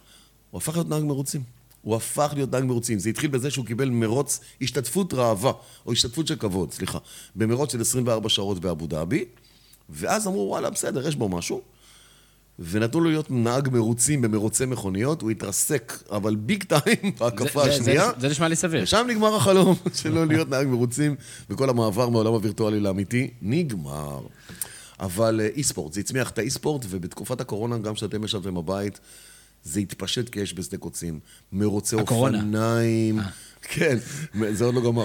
מרוצי אופניים, ובאופניים זה אפילו נהיה אמיתי, כי הם עושים מרחק כשהם צוברים על האופניים, ואתה רואה את הסינרים משתנה להם, את הנוף משתנה, והם עולים ויורדים באופניים שלהם על איזה ריקליינר כזה שמעלה אותם, ויש להם התנגדות ועוד. משהו מטומטם, אחי, אני אומר לך, דבר פסיכי לגמרי. אתה עושה טור דה פרנס, כאילו בבית, מהבית, אתה עושה טור דה פרנס מהבית. Tour de Home. Tour, כן, Home de France, Home de Tour, whatever. בואו ניתן איזה קצת אנקדוטה ישראלית. מה הסטטוס הישראלי? איפה נמצא רוי? והאם יש לנו עוד אה, אנשים, גורמים? יש לנו שני, שני נציגים בסבב העולמי, בסבבים העולמיים. יש לנו את עידו כהן, שמתחרה בפורמולה 3 העולמית, עונה ראשונה, אה, בלי לייפות את הדברים על הפנים, פשוט על הפנים, אין, אין משהו אחר. לא אכזבה מעידו, אני לא חושב שעידו, או מי שנמצא סביבו, אה, חושב שעידו יגיע תוך שנה לאליפות פורמולה. שלוש, פורמולה פורמולה שלוש, שלוש. שאנחנו נכיר, זה רכבים ללא שיפורים, רכבים, יש רכבי, רכבי סטנדרט לכולם, או שזה גם כן לפי יצרנים והכל? פורמולה 3, אה, כמו... זה זה קטגוריה של מכוניות פחות משוכללות מפורמולה 1. זה שתי מדרגות מתחת. הן פחות משוכללות בהרבה נתונים, בעיקר באווירודינמיקה. הן להיות קטנות יותר וקלות יותר, ולכן היחס בין המשקל לבין ההספק של המנוע הוא יחס מצוין. גם אם האוטו נותן, המנוע נותן 200 כוחות סוס, המכונית שוקלת 600 קילו. אז זה מעיף את, ה- את הרכב הזה קדימה, אתה רואה מרוצים שאתה... ככה, זה, זה, שידרתי אותם השנה, זה המכות שהילדים האלה הולכים ואין להם פחד, זה מטורף לגמרי. ואתה כבר יכול לראות את השמות של מה שיהיו פה בפרק 290 של, אה, של הזווית, כבר הם שמה. אה, אז עדיין לא- אז לא הולך לעידו, עדיין. עידו... אני, אני אמרתי את דעתי בעניין הזה, שלדעתי הקפיצה של עידו לפורמולה 3 עולמית הייתה מוקדמת מדי. אה, הוא עדיין בסדר, הוא בחור צעיר, הוא לא בן וכמה 20 הוא? ומשהו, אני חושב שהוא בן 21 או משהו כזה. בחור חמוד מאוד מרמת גן, מאוד מופנם, מאוד רגוע, אה, לא יהיר או, או, או משהו. אחד כזה שתעבור לידו בקניון, אתה לא תגיד שזה הוא, בינתיים. כי רק היום גיליתי מי זה. אולי בגלל זה. נכון. אבל, אתה יודע, ברזומה שלו בסוף הוא נהג פורמולה 3 מדהים. באליפות עולם. פורמולה שלוש זה לא... לא, לא, זה, משם כבר שולפים את הדברים הבאים. קימי רייקונן הגיע מפורמולה 3 ישר לפורמולה 1. אה, מקס ורסטאפן מפורמולה 3 ישר לפורמולה 1. ורסטאפן בכלל היה עילוי מקארטינג לפורמולה 1 בשלוש שנים. מקארטינג. ורסטאפן אבל הוא כישרון שם. אבל הוא נדיר, נכון. בשביל זה גם עשו חוקי ורסטאפן, כדי לעצור את זה, שלא יהיה עוד מישהו כזה שיבוא, כי הנהגים האחרים פוחדים שהוא פזיז מדי, ואני עושה פה עם האצבעות אני חייב, פוחדים. חייב להגיד שחוקי ורסטאפן זה נשמע כמו משהו שנגד יהודים. אבל זה, ההיסטוריה, זו, שלנו. חשבתי על חוקי אה, ג'ורדן של דטרויט. חוקי כל- ג'ורדן, כל אחד נכון. לוקח את זה עכשיו לדברים אני הייתי שלו. בגרמניה, אז אמרו לי, איך נכנסת? אמרתי, או תו ירוק או טלאי צהוב. כאילו, יש לך שני דברים שאתה נהדר, נהדר. כמובן, כמובן. אבל, לא, אבל... יש הרבה קונספירציות שרצות בכיוונים האלה. עד ורוי שלא- נגמור את מכסת האירוניה פה, אנחנו לא... לא אז הנה, אני. ממשיך אותה. אה, אז זה עידו. רוי ניסני. רוי, אה, רוי אכזב השנה. המיקום שלו נמוך ממה שחשבו שיהיה. בפורמולה 2. בפורמולה 2. פורמולה 2 זה באמת החממה של הפורמולה 1. אה, חלק bad luck, חלק ראינו דברים באמת יפים. ראינו פודיום במונקו, זה משהו שנוצע בכובע שלו, שלא... שתמשיך להתנפנף שם לעול- לעולמי עד. ההישג הכי גדול שלו בקריירה שלו, מקום בפודיום במונקו, בפורמולה 2, תקשיב. אני בקושי הלכתי שם ברגל את המסלול, אני לא עשה אותו כאילו סיים על הפודיום. אה, אבל אם היו דיבורים סביב העניין שקבוצת טריידנט שהוא נסע בה שנה קודם היא קבוצה, קבוצה בינונית מבחינת היכולת של המכונית שלה ברמה טכנולוגית ואנשי הצוות, כי שוב, אתה יודע, אתה שואל, למה, למה אשדוד, או לא משנה, לא אנקוב בשם, למה קבוצה תחתית בליגה לא יכולה להיות כמו? כי אין לה את האנשים הנכונים. וזה אותו דבר גם בקבוצות מרוצים. זה אותה מכונית, זה אותו מנוע. למה הם לא? איך הם מנצחים והאלה תמיד אחורה? למה? כי, ה... כי התקציב שלהם קטן, ואז הם נאלצים להתפשר על אנשים טובים יותר, מקצוענים יותר. יש הרבה בעלי תפקידים בקבוצות מרוצי מכוניות שאנחנו לא מכירים ולא מודעים. אולי בזכות נטפליקס ו-Drive to Survive כן הכרנו. כל מיני, ניקח תפקיד אחד שנקרא Data Engineer. זה הרבה אנשי, הרבה מהנדסים. והתפקיד שלו זה לחלוב, ממש פשוטו כמשמעו, אה, כמו שבכדורגל למדו לחלוב את ה-GPSים של השחקנים ולהפיק מזה מידע על מי רץ יותר ופחות ובאיזה שטחים הוא מכסה ובאיזה מי... אותו דבר. יש מישהו שיושב ומנתח רק את הדברים האלה. אותו דבר הבן אדם הזה, או המהנדסת הזאת, שהם יושבים עם הנהג, עם לפטופ, שעות על גבי שעות. לא יודע אם אתם זוכרים מאחד הפרקים שלואיס המילטון אה, לא ניצח, ואז הוא הלך ל back room וישב על הלפטופ עם המהנדס שלו, כן. וניתחו כל פנייה וכל דבר. עכשיו, ההוא לא סתם אחד שיודע להפעיל לפטופ, הוא מבין למה. ויודע לראות את הגרפים של המכונית וכולי. אז אם לקבוצה אין את האנשים האלה, או את האנשים הטובים בתחום הזה... את התומכי לחימה. מה הנהג יכול לעשות? איך הוא יכול להשתפר? והוא הולך להישאר בשנה הבאה בפורמולה? אז רגע, אז זה מה שהיה בטריידנט. וכשהוא עבר לקבוצת דאמס, שזו הקבוצה שהוא נוהג בשורותיה השנה, ויחד איתו נוהג מרקוס אמסטרונג, שהוא נהג אקדמיה של פרארי, שפרארי שם אותו שם, זה אומר שפרארי יודעת מה, מה היא עושה, ושמה את האיש שלה באיזה קבוצה שיכולה להניב איתו תוצאות ולהילחם באויב, שהוא רדבול, כי יש שם הרבה נהגי רדבול ואלפין אה, באליפות הזאת. אה, וגם להוא לא הולך. Hmm. גם מרקוס לא מביא תוצאות, מי יודע כמה. אז, אז, אה, אז יש פה בעיה. והוא לא יהיה אלוף עולם השנה, והוא לא ציפו שהוא יהיה אלוף עולם בפורמולה 2, אבל רצו מאוד להגיע לנתון שהוא משלים את מכסת נקודות, ה... נקודות הרישיון שלו, כן. הקרדיטציה שלו, בדיוק. זה כמו תעודת בגרות. זה לא משנה אם קיבלת במתמטיקה 90 או 95. אבל עשית ארבע יחידות מתמטיקה, הארבע יחידות זה מה שנחשב, השלוש יחידות אנגלית שלך, השתיים בזה. אוספים את הכמות יחידות האלה, וזה מה שבסוף נותן לך את האקרדיטציה כיכול, כמועמד להיכנס לאוניברסיטה, כן או לא. האוניברסיטה של הפורמולה 1 צריכה נקודות כאלה, כי הם לא מוכנים שיבואו טירונים, סטייל ורסטאפן, רייקונן, וייכנסו בלי איזה ידע וניסיון, כי זה נקודות פזם. ש- שיכולות להכניס אותו פנימה, לאליפות הזאת, ורוי לא צבר אותן. אלא אם כן יש מישהו מאוד מאוד עשיר שיכניס אותו. לא יעזור. גם לא? לא קשור. זאת המטרה. אה, ז'אן טוד, נשיא הפדרציה העולמית למרוצי מכוניות, שעוזב את התפקיד שלו בקרוב, אה, בנה יחד עם גרהרד ברגר, שהוא נהג עבר בפורמולה 1, בנה סולם מקארטינג ועד פורמולה 1, ואמר, לפי הסולם הזה, סולם יעקב, סולם ברגר. אתם תלכו בסולם ברגר, תגיעו. לארץ מי... המובטחת. לארץ המובטחת. מי שלא ילך בסולם ברגר, לא יגיע. כי התחילו להתפתח כל מיני אליפויות בכל מיני מדינות. ואז איזה, איזה אליפות שווה יותר ממי? וזה הרבה כבוד. האנגלים אומרים אנחנו, הצרפתים אומרים אנחנו, האיטלקים אומרים אנחנו, הגרמנים אומרים אנחנו, וכל אחד מהם נוסע במכוניות אחרות, וכל אחד מביא משהו אחר. בקיצור, נהיה מגדל בבל. אז הוא רצה לעשות סדר. בוא נעשה סדר. רוי מתיישר לסדר הזה, ו... אבל מה שחסר לו זה באמת להביא את הנקודות האלה. מה יקרה בעונה הבאה? אני חושב שעדיין יש לו חוזה בוויליאמס כנהג מבחן, ואני מקווה מאוד שהוא גם אה, אה, ימשיך לעזור להם בתחום הזה. ולגבי פורמולה 2, אני באמת לא יודע. קיצור, בשנה, שנתיים הקרובות זה... יחרץ גורלו. זה החלון. יחרץ גורלו, יחרץ גורלו. את רוברט שוורצמן אנחנו לא מחשיבים ישראלי? רוברט שוורצמן... או, מי מי זה? זה נשמע לי... זה נשמע לי שחקן... זה שלנו, כן. זה נשמע לי שחקן טניס, שחקן טניס ארגנטינאי. מחבר העמים כזה אחד שערק בשנייה האחרונה. כן. רוברט שוורצמן, כן, הוא חתכו לו בגיל שמונה ימים. לא שאני מכיר. בדקת? כן, זהו, לא יודע. הגעתי בזמן עם התשובה. כן. השמועה טוענת, אוקיי? הוא כזה, בואו נתחיל לשם, בואו נלך לשם. השכונה טוענת, אה, השמועה טוענת שהוא uh, מהנימולים. אה, הוא אכזב אותי מאוד השנה. הוא השאירו אותו שם אחרי שמיק שומאכר עזב, כדי להיות המספר אחת, הוא נוסע עם מכונית מספר אחת. בפורמולה 2 גם כן. פורמולה 2. כן. והוא לא סיפק את הסחורה. יש את האוסטרלי. תשמע, זה מדהים שבפורמולה 2 מסתבר, אף אחד לא מספק את הסחורה.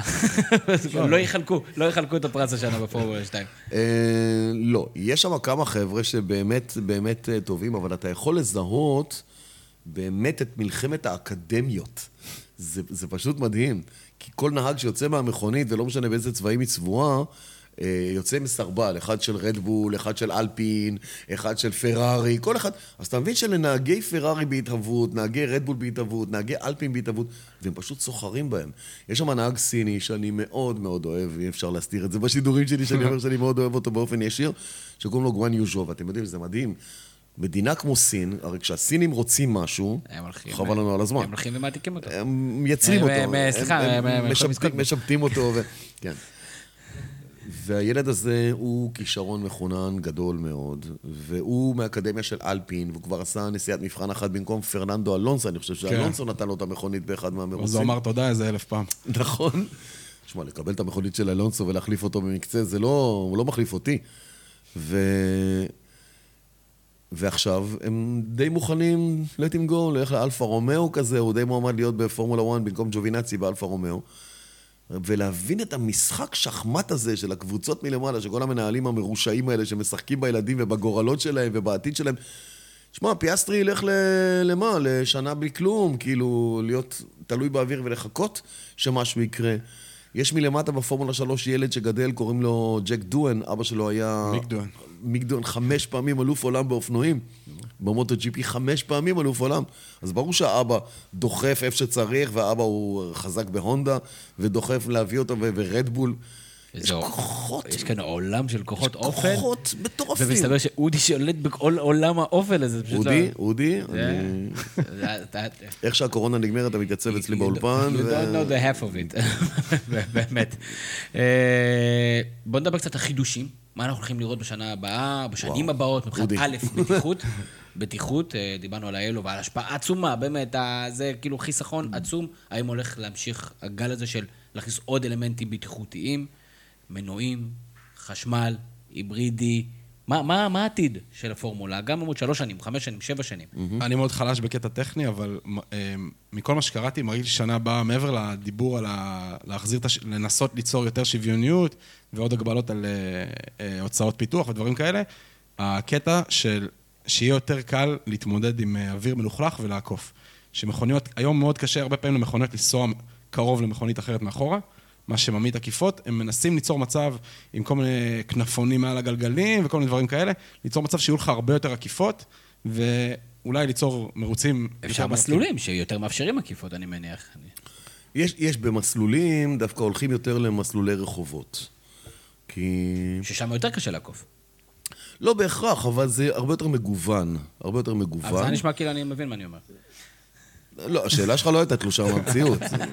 היא הייתה מנותקת מהמציאות, אבל לא תלושה לא, אני מהמציאות. זוכר, אני זוכר שראיתי באחד מהמסלולים, באחד מהפרקים בנטפליקס, ראיתי שבאמת שיש איזה אה, מרוץ רחוב אחד שבאמת מאוד מאוד קשה לעקוף בו. אני לא זוכר אם זה היה במונקו. מונקו, נכון, מונקו. אה, אבל מרוצי, מרוצי רחובות, יש בהם איזה וייב אחר. יש בהם תחושה אחרת, הם פתוחים יותר. אני חושב שאין חולק על זה שהמרוץ של סינגפור, מרוץ הלילה של סינגפור, מדהים. הוא אחד הספקטקלים הכי מרהיבים בכל סוג של ספורט באשר הוא, שאתה הופך מדינה שלמה, סינגפור זה מדינה, זאת עיר, אבל זו מדינה. אתה, אתה הופך אותה ב, בלילה ליום, ו, ואתה רואה שם משחק מחשב, אתה בתוך משחק מחשב. מטורף כזה שכל הרחובות מוארים, והם נוסעים באור יום, למרות שזו חשיכה מוחלטת. אה, אז הולכים להכניס את מיאמי בשנה הבאה, כן. כן. מיאמי תיכנס אה, סביב האיצטדיון של המיאמי דלפינס, בנו שם, בונים שם איזשהו מסלול, לא מסלול קבוע, זה מסלול רחובות, אבל עושים בו את ההתאמות כדי שהמכוניות תוכלנה לנסוע שם. אה, ג'דה, ערב הסעודית, אנחנו הולכים כבר השנה לג'דה, לערב הסעודית. אין בג'דה מסלול, כאילו, אנחנו הולכים מרוץ רחובות בג'דה. גם אין עיר כזאת, ג'דה, כרגע בשלב הזה. לא, יש, יש. יש, די יש דווקא. אה, לסעודים האלה יש תוכנית, אם אתה מדבר על long run, יש להם תוכנית מטורפת עד 2030, אה, להעלות את סעודיה ולשים אותה על מפת הספורט העולמית בכלל. ברמה שטרם נראתה, כי יש שם איזה קנאת סופרים כזאת בינם לבין קטאר ואבו דאבי, וקטאר קיבלה את אליפות העולם בכדורגל, ובחריין עם הפורמולה 1, וקטאר עם, הפורמ... עם המוטו ג'י פי, ואבו דאבי עם הפורמולה 1, וכל זה. ואל תשכחו, אל, אל תתעלמו מכל העולם של הספורט הימי, אצל ה... אצ... בתרבות הערבית, למרוצי הסירות, לא המפרשיות, אלא סירות המנוע החזקות ביותר, יש... זה השקעה של מאות מיליוני דולרים בכל קטמרן כזה שטסה במהירות של 250 קמ"ש על המים. זה מנועי למבורגיני של 2,000 כוח סוס כל אחד, ולכל סירה כזאת יש שני מנועים. זה צוותים שהם קונים אותם ממדינות אחרות, נורבגים ואיטלקים, ו...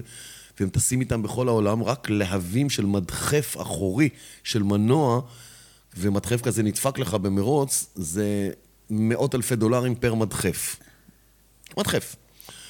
אז, אז כל הסיפור הזה, סעודיה החליטה, בעיקר בגלל הירידה בצריכה בנפט בעולם, שתלך ותימשך גם בשנים הבאות, להיכנס לעניינים, לעניינים של סוסטנביליטי. ואני מזכיר לכם, אליפות העולם, מרוץ הדקר, התחיל בסעודיה בשנה שעברה, והשנה הוא גם יהיה בסעודיה, ובדקר שנה שעברה היו צוותים ישראלים שעשו עבודה נהדרת. אה, אז ג'דה תהיה, ומדברים על עוד מרוצים אה, ברחובות, אבל מבחינה טכנולוגית, אה, היה אמור להיכנס, המכונית שאנחנו נראה בשנה הבאה הייתה אמורה להיות השנה כבר. אבל בגלל כל שיבושי הקורונה, הקורונה, החליטו לדחות את החשיפה שלה בשנה, והיא תיכנס ב-2022, היא תיראה חיצונית שונה. כמה שונה? ממש שונה ממה שאתם מכירים היום. אה, ולא צריך זכוכית מגדלת כזאת, אתה יודע, להחזיק אה, תמונות של מצאת ההבדלים, איפה וזה פה ההוא קורץ ופה הוא לא קורץ, אתה תראה ממש את ההבדלים בין המכוניות. כי שינוי אירודינמי? הכל. שינויים אירודינמיים, רק אירודינמיים. בראש ובראשונה הגלגלים. הגלגלים הולכים להיות גלגלי ענק. מגלגלי 13 אינץ' הולכים לגלגלי 18 אינץ'. שבמכוניות פורמולה אחת, דרך אגב, זה שינוי שפירלי דחפו אליו, כי היא יצרנית הצמיגים הבלעדית, ופירלי אומרים, זה בסדר להיות מפורסמים בפורמולה 1, אבל בואו, אנחנו הספקים היחידים, אין לנו פה איזה תחרות באמת, אנחנו רק... אבל אנחנו רוצים להוציא איזה בנפיט שקושר את זה לעולם האמיתי. כן. וברוב המכוניות הנחשבות היום, אתה כבר שם חישוקי 18 אינץ', ואם זה הולך עם פירלי, ופותח גם בטכנולוגיה של פורמולה 1, בום, בינגו. וואו. אתה מתחיל להבין שפירלי דוחפים למקום הזה. עכשיו, אם אתה משנה את המידה של הגלגל, תראו את הסרט ראש אה, על ג'יימס האנט וניקי לאודה. תראו את ההבדלים בין הגלגלים האחוריים שהיו אז לגלגלים הקדמיים. האחוריים היו גלגלי בלון ענקיים כאלה, משהו מטורף, תכף אני אראה לכם משהו. האמת שאני מכיר את זה, כן. אי אפשר לראות? כן. כן. את זה. את הגלגל של הפורמולה 1 הקטן שיש לי. הוא מראה לנו צרור מפתחות. הוא מראה לנו צרור מפתחות, הוא גם משמיע, של הסוהר. אה, וזה הולך להיות... אה, זה הולך להיות סיפור מאוד מאוד דרמטי, כי כמו שאמרת, המערבולות, גם הגלגלים מייצרים את המערבולות. זה אומר שאנחנו הולכים לראות על הגלגלים שיהיו להם פתחים ענקיים, כי זה חישוק של 18 אינץ'. כיסויים או משהו כזה? כיסויים אירודינמיים, שיחממו את הברקסים ויעבררו את הברקסים, ואנחנו הולכים לראות המון המון המון המון המון המון דברים מאוד מעניינים, והייתה להם אפילו עוד שנה בונוס לפתח את המכונית הזאת. הם הציגו אותה שהיא מכונית קונספט, אבל כל קבוצה תיקח אותה לאן שהיא רוצה. וזה באמת המטרה, להגביר את התחרותיות ולבטל את כל מערבולות הרוח שהמכוניות מייצרות היום. אה, תחשוב שאתה נוסע, רוכב על האופניים ואתה יושב על מכונית. זה מטורף. מה שהמכונית מייצרת, בעצם זה שהיא נוסעת 70 קמ"ש. ואתה באופניים אחריה, מצד אחד אתה בוואקום, אתה נהנה מזה שהיא מפלסת לך את האוויר ואתה פחות מתאמץ. מצד שני, היא מייצרת לך כל מיני רוחות ודברים שאם היא הייתה הולכת לא היו. כאילו, והרכיבה שלך הייתה הרבה יותר נעימה וקלה. קיצור, יהיה כאן adjustment period. הולך להיות משהו מטורף לגמרי. והם רוצים יותר עקיפות, אבל כולם, כולם, כולם, כולם מסתכלים על 2026. או, יש ב-2026? בוא נעשה בילדאפ. מה קורה ב-2026? אנחנו נעלה את הפרק הזה ב-2026 ואנחנו נפתח אותו. כי ב-2026 אה, ייכנסו מנועים חדשים, וזה מתחבר עם מה שאמרתי לכם קודם על פולקסווגן. הרעיון זה לחבר את עולם הקיימות עם עולם הספורט. כי יש כבר מרוצי מכוניות חשמליות, קוראים להם פורמולה E. ומרוצי רחובות, כולם מרוצי רחובות, לא במסלולים. כי החזון היה להנגיש את הטכנולוגיה החשמלית באמצעות מרוצים לעולם. בואו תראו, הנה זה עובד. הבטריה, לא בטריה, המכונית נשמעת מצפצפת או מצייצת או לא, אבל יש תחרות ויש מרוצים, והיו אחלה עונות. אני אהבתי. אתה אהבת? או פחות? אה, פורמולה E. פחות. פחות.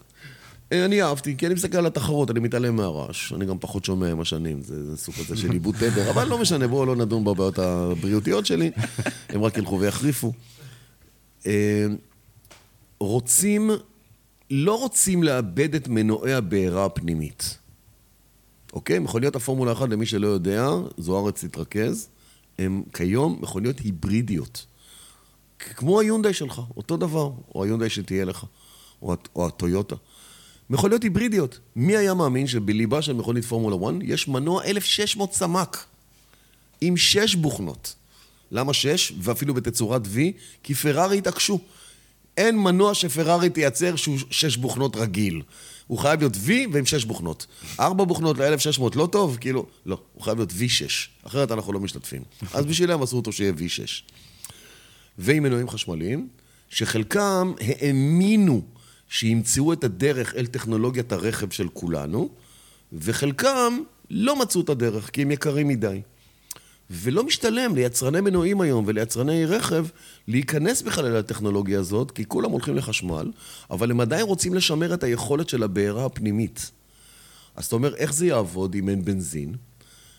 מחפשים תחליפי בנזין, והתחליף בנזין הוא הביופיול, שבא מתירס, מקנה סוכר, מכל מיני דברים כאלה. אתנול. חליפי זה. נכון, תחליפי דלק. ובכל שנה בפורמולה 1 משנים את התמהיל של הדלק ומעלים את האחוז של הביופיול. כלומר, גם המנוע שהם נוסעים בו היום הוא לא pure petrol. יש בו אחוז מסוים של biofuel. ובשנה הבאה, עוד לפני המנועים של 2026, יעלו כבר ל-10% biofuel בתוך התמהיל של הדלק. כשהיעד הוא ב-2026, שכולם יעברו ל biofuel. אז זה לא יהיה מזהם, כי זה יהיה ביופיול, אוקיי? אבל זה גם לא יבטל את מנועי הבעירה הפנימית וישאיר את האפקט של הסאונד של המנוע. בדיוק, בדיוק. יפה אמרת, היה שווה להשקיע בך מהפרק. ועד נכון. נכון. תדע לך שאני מאוד השתפרתי. אה, אני רוצה סט של שאלות קצרות, עם תשובה קצרה, תשובה מהירה. סיימנו, מה? כבר, זה היה כזה טוב. אנחנו כבר שעה ורבע בתוך הפרק. אה, אני רוצה להגיד אה, שאלה, אודי אתה עונה ראשון, ו- ובועז אתה שני. טוב. אותה שאלה, שאלה אחת. קודם כל, תגידו לי, כמה מרוצים עוד נשארו בסוף שנה? שבעה. שבעה היה, כאילו, יעשו אחד איפ- איפשהו כפול, בגלל שאוסטרליה התבטל.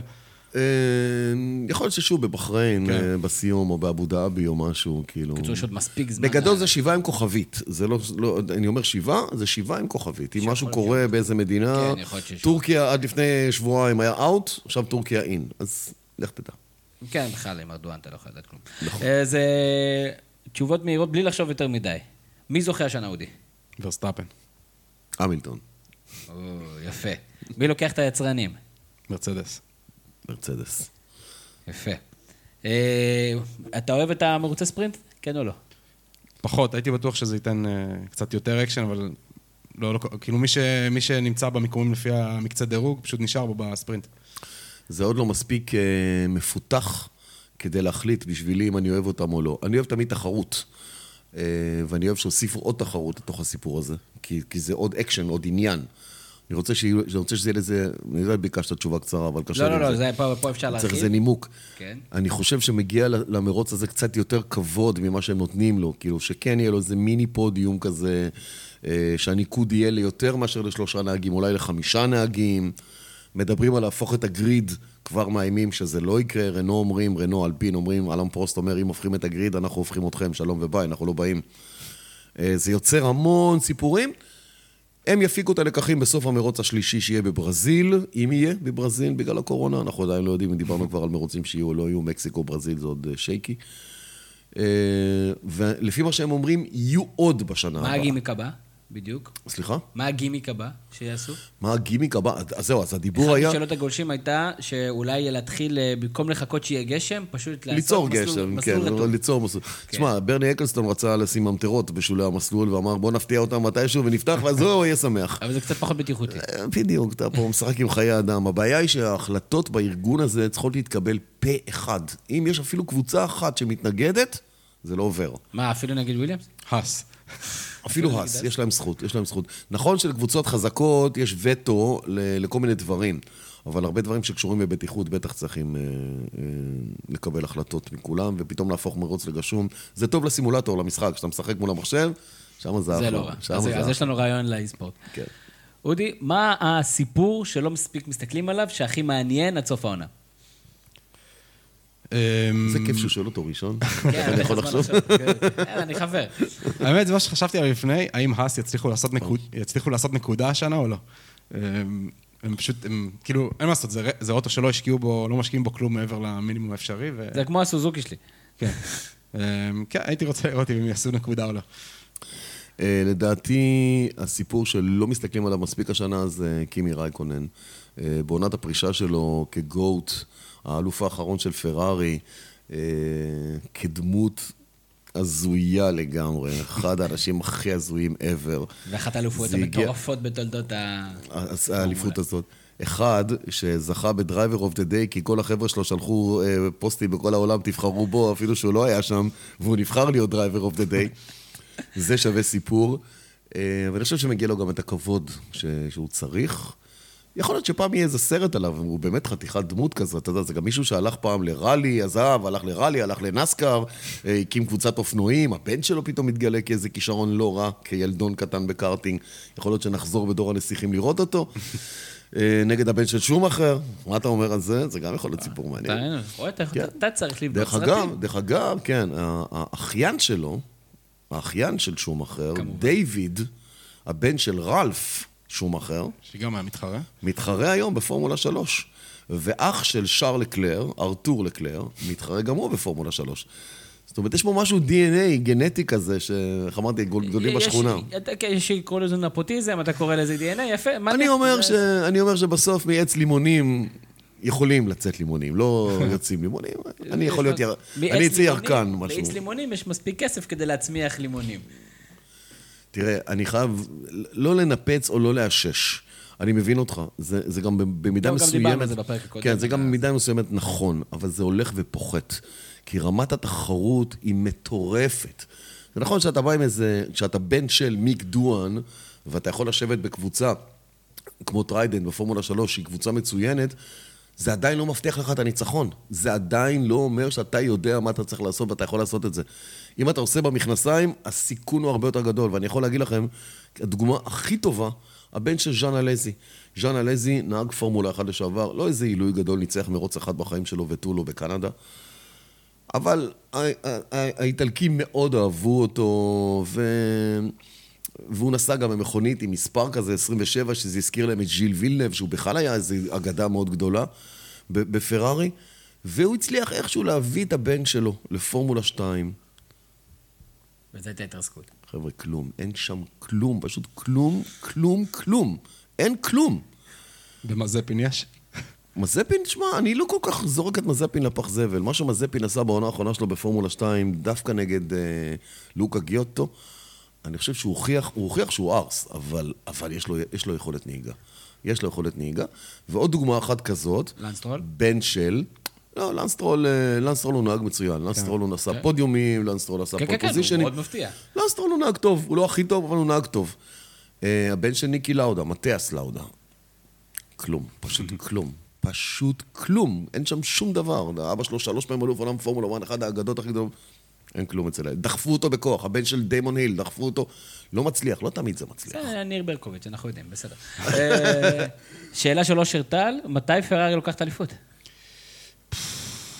2023, אה, 2024 נגיד. אני לא יודע. אני לא ברור יודע. שאתה לא יודע.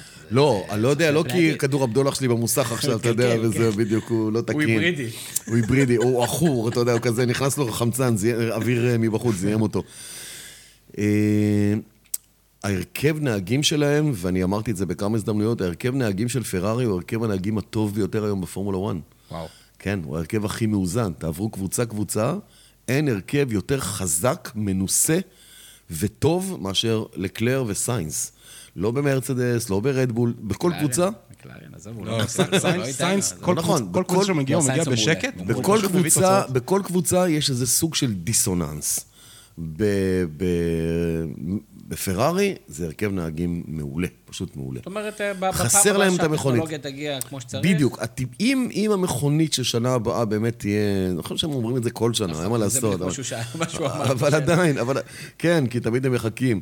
אבל נהגים, אין בעיה. אין בעיה של נהגים. אתה לא אומר, עכשיו יש לי נהג חלש, הוא כן, לא יעשה את זה. אותך. עכשיו, תן להם את המכונית הנכונה באמת, והם יעשו את זה. שאלה אחרונה, מי זוכה שנה הבאה? נהג. ג'ורג' ראסל. יכול לזכות בשנה סתם, הראשונה. זרקתי פצצה, כן, מה אכפת? קודם כל, זה לא שנה ראשונה שלו. לא, זה לא שנה שנה ראשונה, שנה ראשונה במרצדס. לדעתי שנה ראשונה לא ירשו לו, אבל- הוא לא, לא... אבל בעקבות מה שאמרתם, בעקבות השינוי האווירודינמי, בעקבות השינוי של הרכבים, בעקבות כל הכניסה של המנועים, לא, עדיין לא כניסה של מנועים, אבל... יש משהו. שקרה שם, שגורם לו טיפה אה, לרד, לא לרדת מהעץ כי הוא לא עולה עליו, אבל לקבל איזה שהן פרופורציות. כאילו, דע לאן אתה בא, כן. וליד מי אתה נוהג. בדיוק. בסדר? כאילו, מהטקס אמרו שאנחנו לא, לא נשמע אותו בעצמנו כשאנחנו נהיה שם. דע לאן אתה בא וליד מי אתה נוהג. אה, והוא, בינתיים, בינתיים זה הרבה מילים מכובסות. אני מכבד אותו, אני אוהב אותו, הוא אלוף, הוא גדול, הוא סר, אני לא... יש הרבה בריטיות מהונדסת ומכובסת שם. בפעם הראשונה שהם עלו קרניים, אנחנו נדע בדיוק מי. אני בטוח ש... תראה, לראסל, מה שנקרא, עתיד עוד לפניו. אבל אני חושב שראסל יוכל בשנה הבאה להראות לנו את חילופי הדורות במרצדס. זה יכול להיות סיפור מדהים. והחתימו את המילטון לשנתיים, אני מזכיר לכם, ל-22 ול-23. המילטון חתום לעוד שנתיים. מה אתה אומר, אודי? אני מאוד מאמין במקס, למרות שרדבול עושים, את ה- עושים את השינוי מנוע שאי אפשר לדעת מה יהיה איתו, אבל אה, אני חושב שוורסטאפן נהג הכי טוב כרגע. או בכושר הכי טוב כרגע. אין לו מושג. הי- hater גדול של המילטון. יש לו הרבה מושג, יש לו הרבה מושג. לא, את זה אנחנו יודעים. מתוך האנשים שיש להם מושג, יש לו- יש לו הכי פחות. אה, בועז, איפה אפשר לשמוע אותך, לראות אותך, לעקוב אחריך? אה, אני מעדיף שלא. לא- לא אישית, כאילו, אתה לא, יודע, בכלל לא. כאילו... אה, אז מעבר לשידורים, יש איזה פודקאסט מאוד אה, נחמד ואינטימי ובמידה מסוימת מאוד רומנטי, שאני עושה עם חבר יקר בשם אמיתי, אה, בנושא פורמולה אחת, אנחנו קוראים לו פורמולה עברית. זה משהו שהתחיל ביוזמה שלו ושל ירין שטרן, שניהם בוגרי רדיו כל רגע בצפון של חיים הכט. שאוהבים את הספורט הזה, והם התחילו ביניהם לעשות, פעם אחת הם צירפו אותי, ו... ואז אחד מהם קיבל תפקיד אה, רציני, שהוא לא יכל יותר להשקיע בפודקאסט הזה, אז התפנה לי כיסא, אז באתי. ו... והתפתחנו דרך הפודקאסט הזה, ובחברות, כמו ה vibe הזה שיש פה.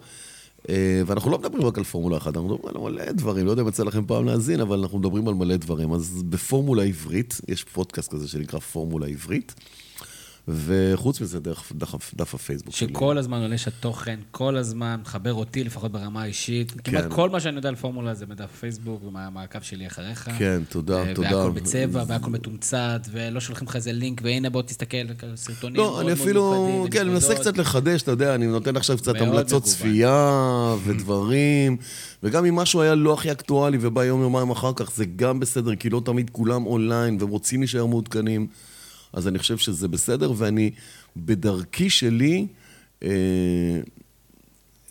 שאני לא דן בה בכלל אם היא נכונה או לא טובה או לא, אני אומר, אבל בדרכי שלי, אני יוצר את הוויקי קורפל הזה שיהיה שם, ו- ו- והפייסבוק הזה יישאר שם, תמיד. כן. כאילו, מה שירצה אחורה ומה היה, אני מעלה... תקשיב, אחד הדברים הכי מדהימים שאני אוהב זה פודקאסטים. ויש פודקאסט שנקרא F1 Nation. ו-F1 Nation של תום קלרקסון ושל אלכס ג'ייקס, אלה שני ש- שדרי אה, פורמולה אחת, במיוחד אלכס ג'ייקס שהוא אה, מדהים. אני מעלה פודקאסטים ישנים שלהם, לא מעכשיו, כאילו לא אקטואליים, עזוב אותי מהאקטואליים. אני אוהב להסתכל בפרספקטיבה אחורה, בדיוק כמו שעשיתם עם הפרק הקודם שהייתי, בוא, נ- בוא נראה מה קרה אז, איפה היינו אז, איפה אנחנו היום. זה כמו ששום אחר, אתה יודע, איפה הייתי אז. קצת סנטימנטלי, קצת אישי, אבל אני מעלה אותם. אני אומר, חבר'ה, תסתכלו, תראו על מה הם דיברו אז, בתקופת הקורונה, איזה סימני שאלה היו, על מה הם דיברו אז, איזה נושאים היו, ומה קרה מאז ועד היום. אני חושב שזה נכון, אני חושב שזה נותן איזה מימד. איזה פרספקטיבה מסוימת. ופרספקטיבה מאוד טובה, ומי שיש לו את הזמן בנסיעות להקשיב, וזה, זה, זה fun, fun אמיתי. אודי ריבן, מה נאחל לך ולעונת הפורמולה הזאת? אבל הייתי רוצה לראות את לקלר על הפודיום. יותר. יותר, בכלל, הוא לא, אני לא חושב שהוא היה בכלל לעונה. אני הייתי גם רוצה לראות את- את גסלי. גסלי נותן עונה מדהימה. פשוט, הוא דמות כזאת חמודה, וגם מה שעשו לו, סתם, טוב, לא ניכנס לזה עכשיו. אה, בועז קורפל. את צונודה, אני רוצה לראות על הפודיום את צונודה. כאילו. אה, לא, יש משהו שאתה יודע, אני גם אמרתי את זה בשידור, לא הכל תמיד נחמד וטוב, ובסוף הצורת ביטוי של הנהגים שמקללים שם כל דבר, זה גורם לי קצת ל- להזדעזע. להזדעזע, כן, כן. זה בסדר לראות שחקן כדורגל יורק, זה, זה בסדר, אני לא אומר את זה ב- בלשון סגי נאור, אני אומר זה בסדר. כי הוא רץ, ואתה יודע, והוא פעיל, אז, אז הוא יורק, בסדר. אין מה לעשות, זו תגובה של הגוף. אבל בכיינות שמלווה בקללות וקללות גסות, שאתם פותחים להם את הרדיו ואתה שומע פיפס אחד גדול מההתחלה ועד הסוף, עכשיו בוא ננחש מה הוא אמר ואת כמה דורות קדימה ואחורה הוא קילל את אימא של מי, אני לא חושב שזה מתאים, אני לא חושב שזה מתאים, ואני מצפה מאוד מליברטי מידיה. לא צריך, לא צריך להנדס אותם, לא צריך לתכנת אותם. ככל שזה יהפוך ליותר טלוויזיה... הנה, קימי הולך, אז זה ירד בזה 20-30 אחוז. כן, אבל אני אומר, תעשה את זה בפודקאסט שלך, בווידאו שלך, תראו מה קרה. הם פיתחו סדרות רשת משלהם. כאילו, מקלרן יש להם את האנבוקס, שכל פרק הוא 15-20 דקות מאחורי הקלעים שהם באים למסלול, ומדהים לראות אותם מאחורי הקלעים ומה הם עושים. רואה, זה אני צריך להתחיל לראות. אסטון מרטין. בכל זאת, הקבוצה שלי. כן, אסטון מרטין, והם עושים את זה אחרי כל מרוץ. כל מרוץ, יום, יומיים אחר כך, עולה פרק. נהגים שעושים פודקאסטים משלהם, הולכים ופוגשים שחקני כדורגל ודמויות כאלה מהעולם, ומבלים איתם, ורוכבים איתם אופניים, ועושים איתם דברים משוגעים. הם חיים את העולם הזה כל הזמן, ולא מחכים שנפגוש אותם רק במרוץ. זה יהיה חייב להיות הרבה יותר מונגש, וזה כן, גם חלק. מהעניין, זה השפה. ומכובד. בוז קורפל, תענוג, כיף. וואי, וואי. אני מצטער שאנחנו צריכים לעצור את זה. בוא נקבע פרק 200 ומשהו... הדלת פתוחה כל הזמן, סתם פשוט אנחנו צריכים להחליף את המנעול. עושים אה, פרק סנוקר פעם הבאה. סנוקר. לא, זה מחוזות וירדו שלא בטוח שאנחנו נגיע אליהם, אבל אנחנו יודעים שאתה מאוד מאוד אוהב. יודע שאתה מאוד מאוד אוהב, שמענו את זה בפרק הקודם. מת על סנוקר, מת, מת. אה, תודה רבה כרגיל להפקה של ברק קורן, שלא ידע שום דבר על התחום, לא יודע עדיין שום דבר על התחום, אבל נראה לי שנהנה, סך הכל נראה לי שהיה לו כיף, אה, וחוץ מזה... הרגנו לו עוד שעה ומשהו בדרך לאקזיט, אתה יודע, זה בסוף... לא בדרך לאקזיט, בדרך לילדה. בדרך לילדה. עכשיו הוא יקבל אותה ישנה ועטופה. אה, אני אומר תודה על המקום ועל ההזדמנות. אה, זה באמת, בתוך כל אותה מורשת שאנחנו מנסים לייצר ביחד, של דיבור נכון על ספורט ועל הכל, אז גם ללבנה הזאת יש מקום בקיר הנפלא שבניתם, ותודה. מקסים, תודה רבה, מרגש כרגיל. אה, אתם מוזמנים כמובן לעשות subscribe בכל הערוצים. איך לא אה, עשו עד עכשיו? זה מדהים. נכון, אני מניח שהם עשו, אבל אתה יודע, אני חוזר על זה כי אני לא מכיר אחד-אחד. אה, וגם תודה רבה לכל המאזינים של הפרק האחרון, למרות שלא הקלטנו כמה חודשים, המון המון תגובות כיפיות, וזה נותן לנו המון המון דלק. אנחנו גם חוץ מזה, כמו שאתם רואים, קצת נהנים מכל הסיטואציה. זהו, אני הייתי תמיר זוארץ שלכם, המשך ערב, ואחרי החגים, שמח. יש לי פודקאסט, מה זה פודקאסט? זה כמו חדשות. יש לי פודקאסט, מה זה פודקאסט? זה כמו חדשות.